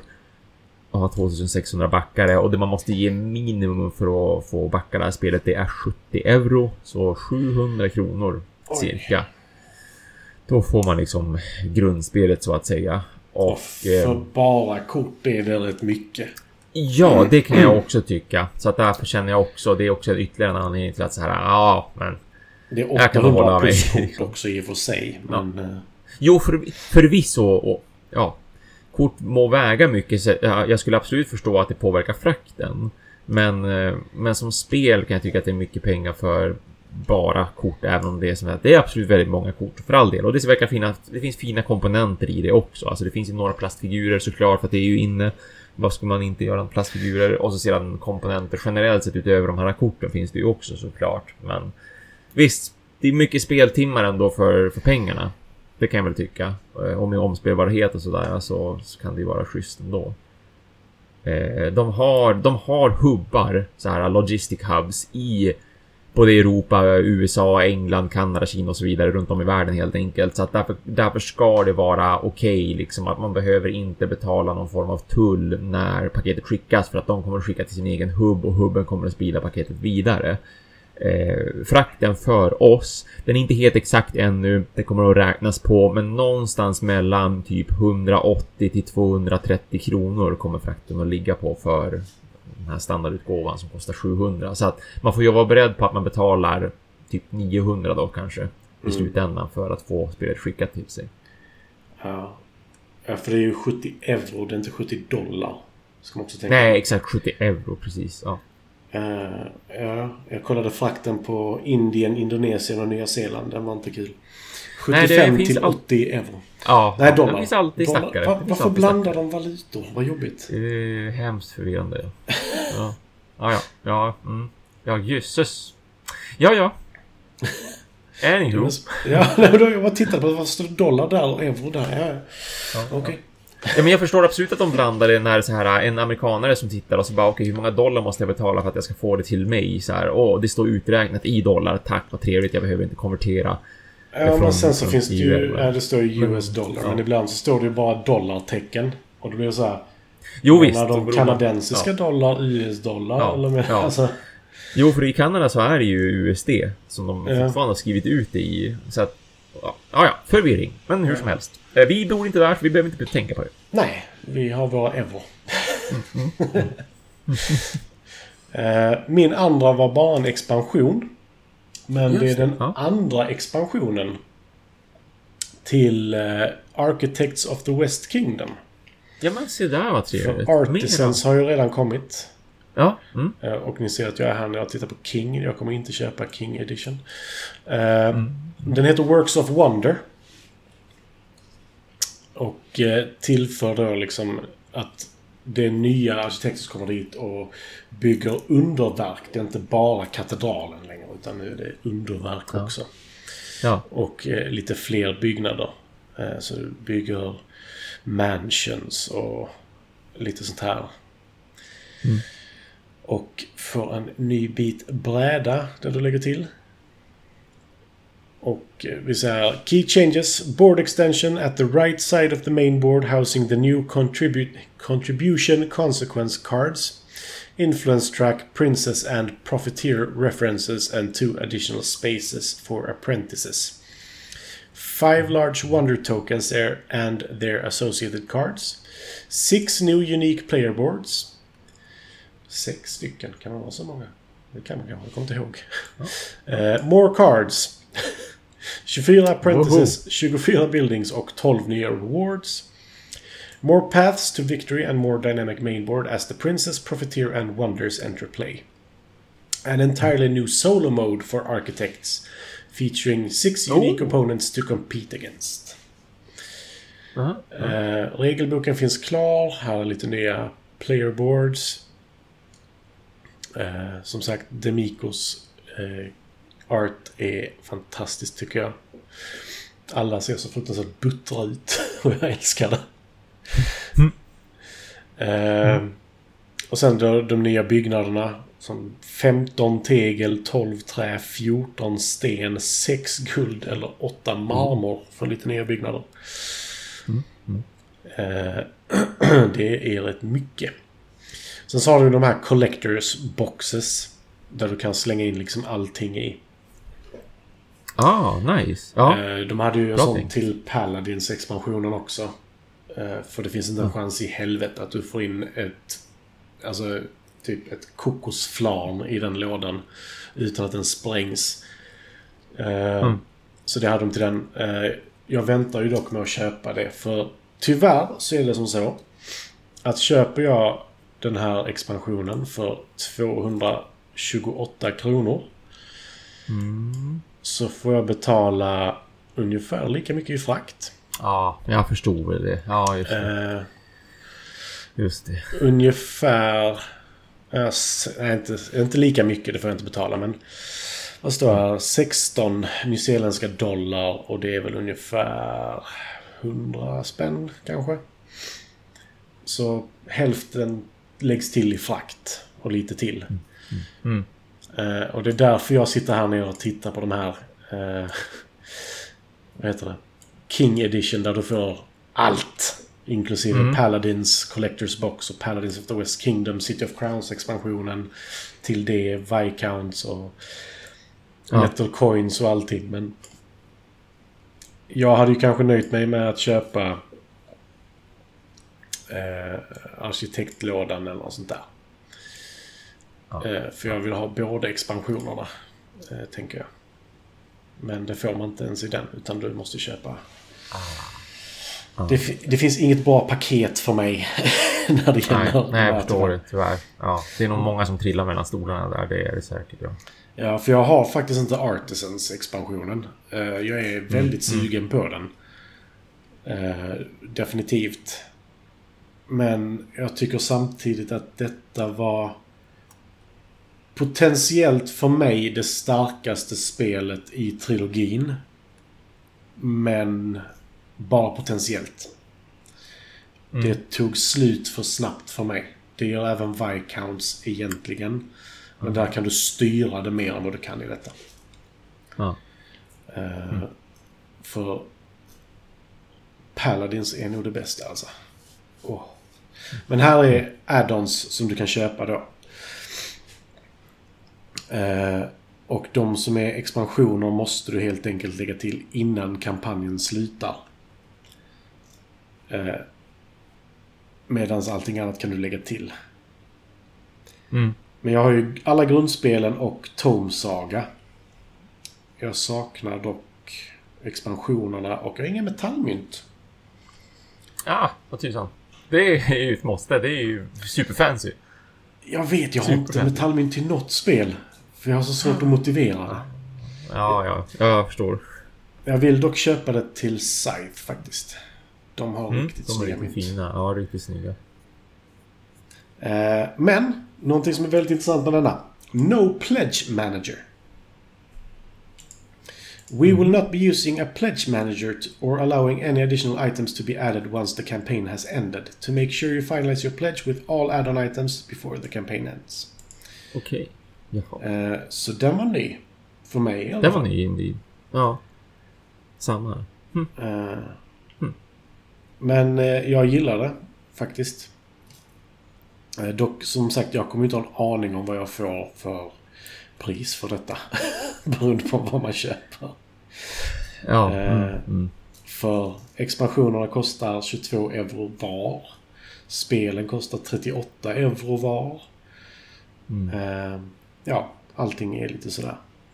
Fast 9 euro för 50 metal coins är inte mycket. Nej, det är det 90 absolut inte. Det är ett bra pris. Ja, det är ett väldigt bra pris. Eh, Så ska ni köpa Det- så köp definitivt sådana. Och köper ni ett extra paket så hör Oh, av er till mig. ja. Eh, nej men eh, jag, som sagt, jag älskar Garpill Games spel. Eh, jag har nämnt fyra stycken idag. Och det enda jag inte nämnt som jag har spelat är Viscounts of the West Kingdom. Så, då har det gjort. Då har du nämnt alla. Skitbra verkligen. Bra, in, bra intryck på ett och samma avsnitt. Ja, nej men alltså, som sagt jag tycker de här spelen är jättebra. Jag tycker hans Mm. worker placement är intressant. För eh, i Raiders of the North Sea så får du olika workers. I Architects of the West Kingdom så får du fler resurser för varje worker du sätter ut i samma område. Mm. Eh, I Paladins så väljer du halvt vilka workers du får jobba med varje runda. Alltså han har alltid någonting nytt att göra, eller de har alltid någonting nytt att göra med workers. Så det är inte bara ja, det är worker placement, du har tre workers och sen gör du det du ska. Utan det är liksom... Det är alltid någonting nytt. Du byter ut i Paladins till exempel för att få en tjuv, men det gör det. Alltså... Det, Ja, det, ja. Jag gillar hur, hur han jobbar med det och inte bara precis... Varför säger jag han hela tiden?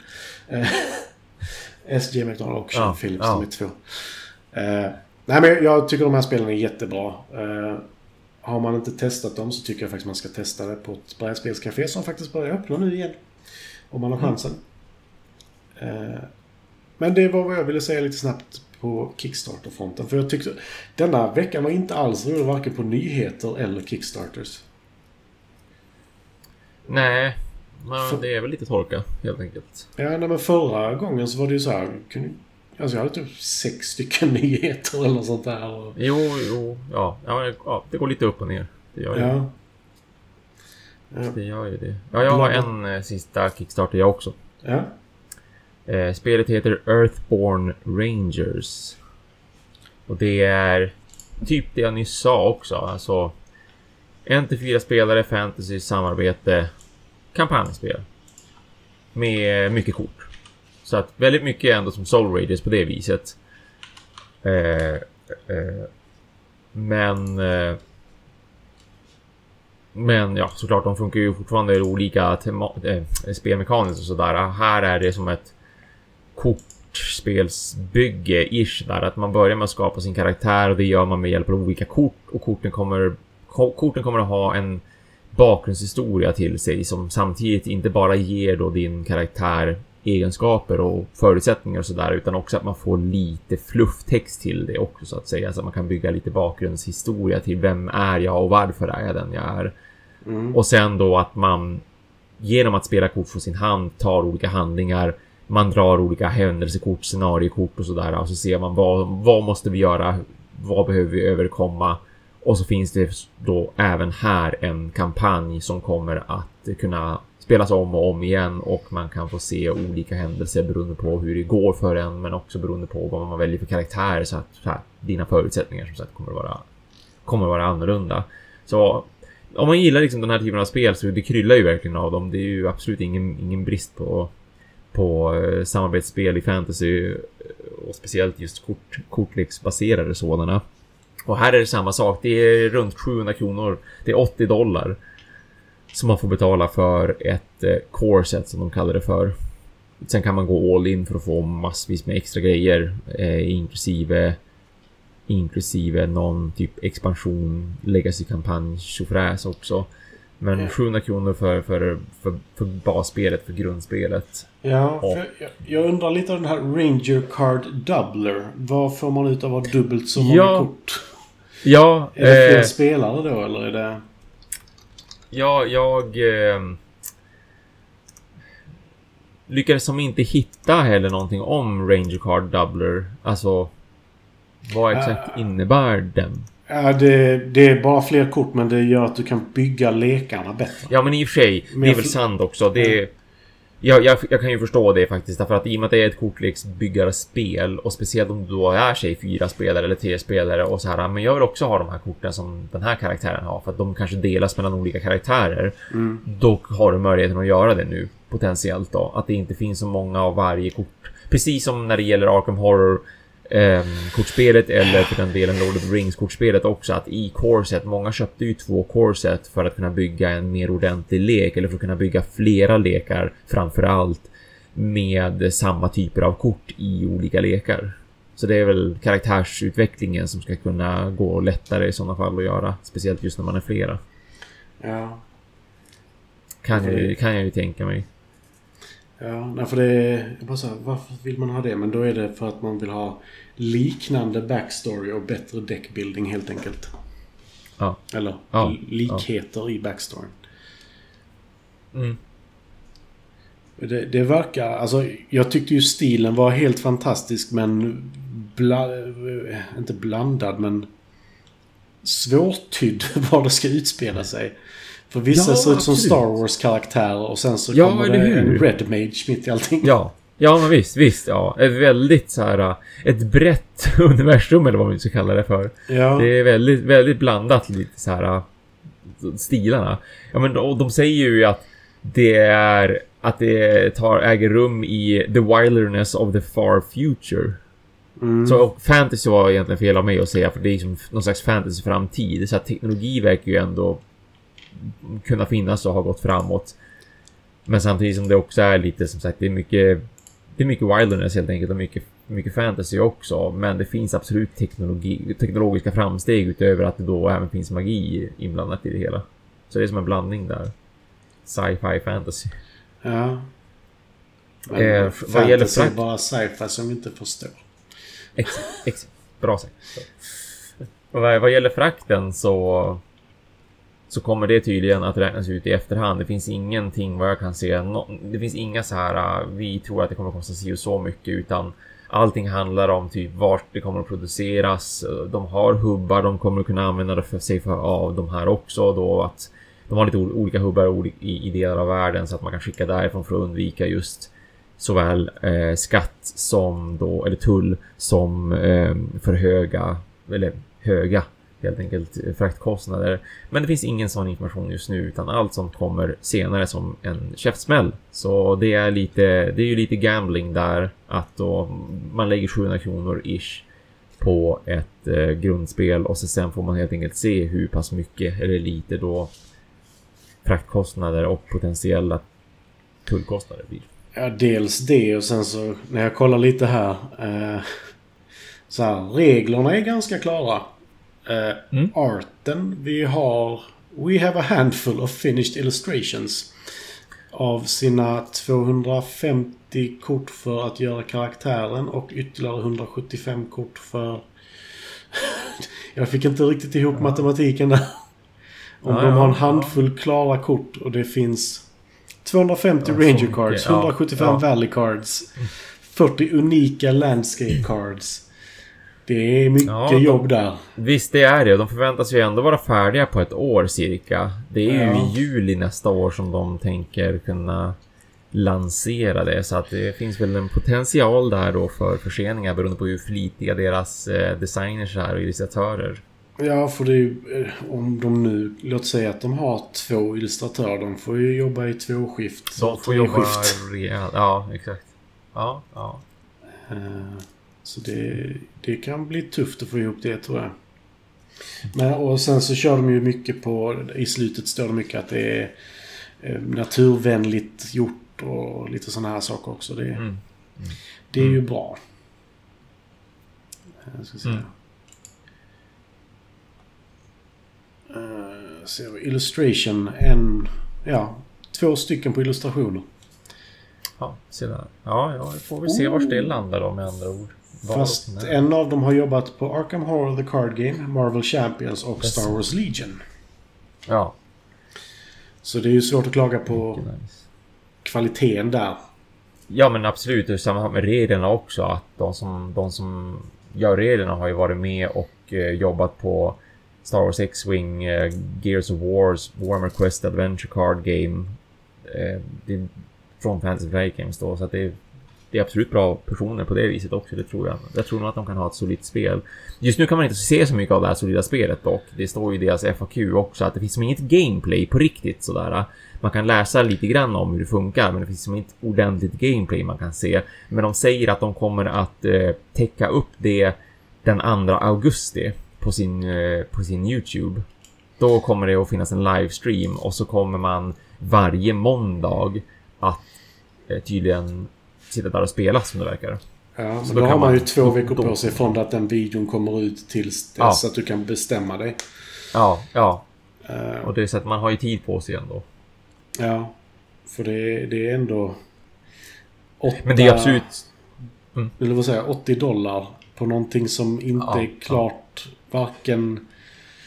Alltså som sagt, de säger ju att reglerna är klara men de har inte kort till det. Och, Nej, men visst, visst. Men bra, men sådär, bra, bra folk som står bakom det. Alltså rent Absolut. regelmässigt så, så tror jag ju att de kan få ett, en bra produkt.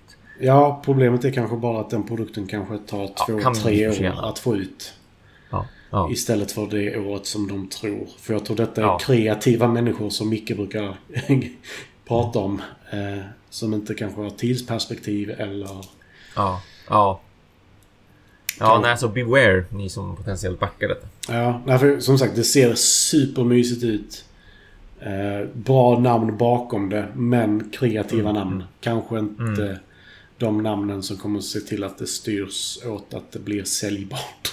Mm, mm. Och eventuellt så kanske de hamnar i skiten på grund av detta spelet om de inte får tillräckligt många. Kan, finns absolut risk, ja. Jo. Oh ja, oh ja. Oh ja. Eh, Ja.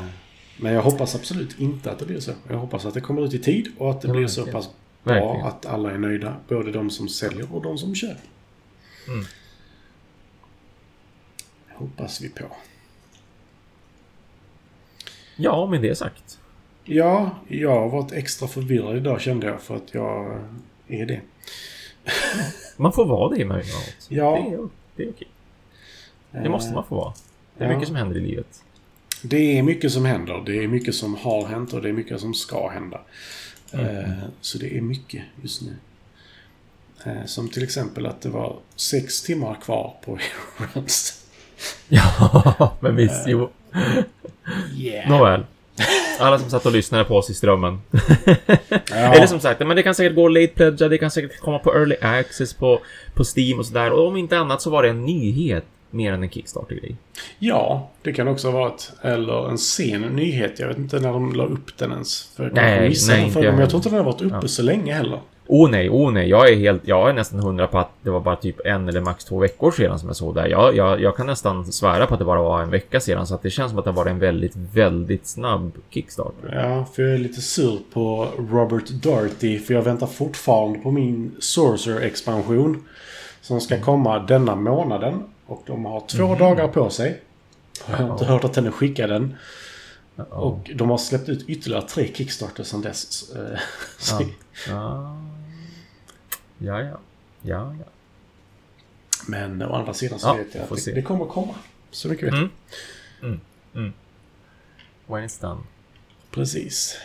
Eh, för det är snyggt det spelet. Det är snyggt. Mm. Men det var väl allt vi hade idag? Eller vill du eh, säga någonting extra? Nej då. Tack för att folk har lyssnat som alltid. Helt enkelt. Jag Ja. ska spela mer Nemesis. Jag ska spela mer Maracaibo Space Corp. Eh, ska ge mig på Mage Knight också tänkte jag. Ah, gött. Köpte det jag började så bara nej jag vill spela Maracaibo istället. Beslutade efter att ha packat upp hela lådan. Eh, Ja, jo. Det var inte det bästa valet jag har gjort i mitt liv. Eh, det var kristaller överallt. Och framförallt väldigt mycket tokens överallt. Ja. Eh, Men tack så mycket för idag. Ni kan hitta Micke på mindy.nu och eh, Mindy bräder rollspelspodd på Instagram och överallt annars, eller på säga. Twitter, YouTube. Thomas hittar ni på Konradago. På YouTube och på Instagram. För nu försvann han från internet igen. Eh, Så han får rätta mig om jag säger fel, för jag bara tar detta ur huvudet. Eh, Jag tackar så mycket för oss, för jag vet inte om Thomas kommer tillbaka denna gången. Jag hoppas att han gör det. Eh, Om han inte gör det så tackar jag han säkerligen för sig. Och vi hörs... Nu kommer han tillbaka. Ja, ja, precis. Ja, vi hörs som sagt när jag är tillbaka. Så hinner jag precis säga hej då. Ja. Så. Tack så mycket och eh, Tackar. hoppas att ni står ut med min förvirring. Eh, Micke tar tag i detta nästa gång igen. Eh, Mm, mm. Annars får Thomas göra det. Tack för oss Tack. och ha det bra.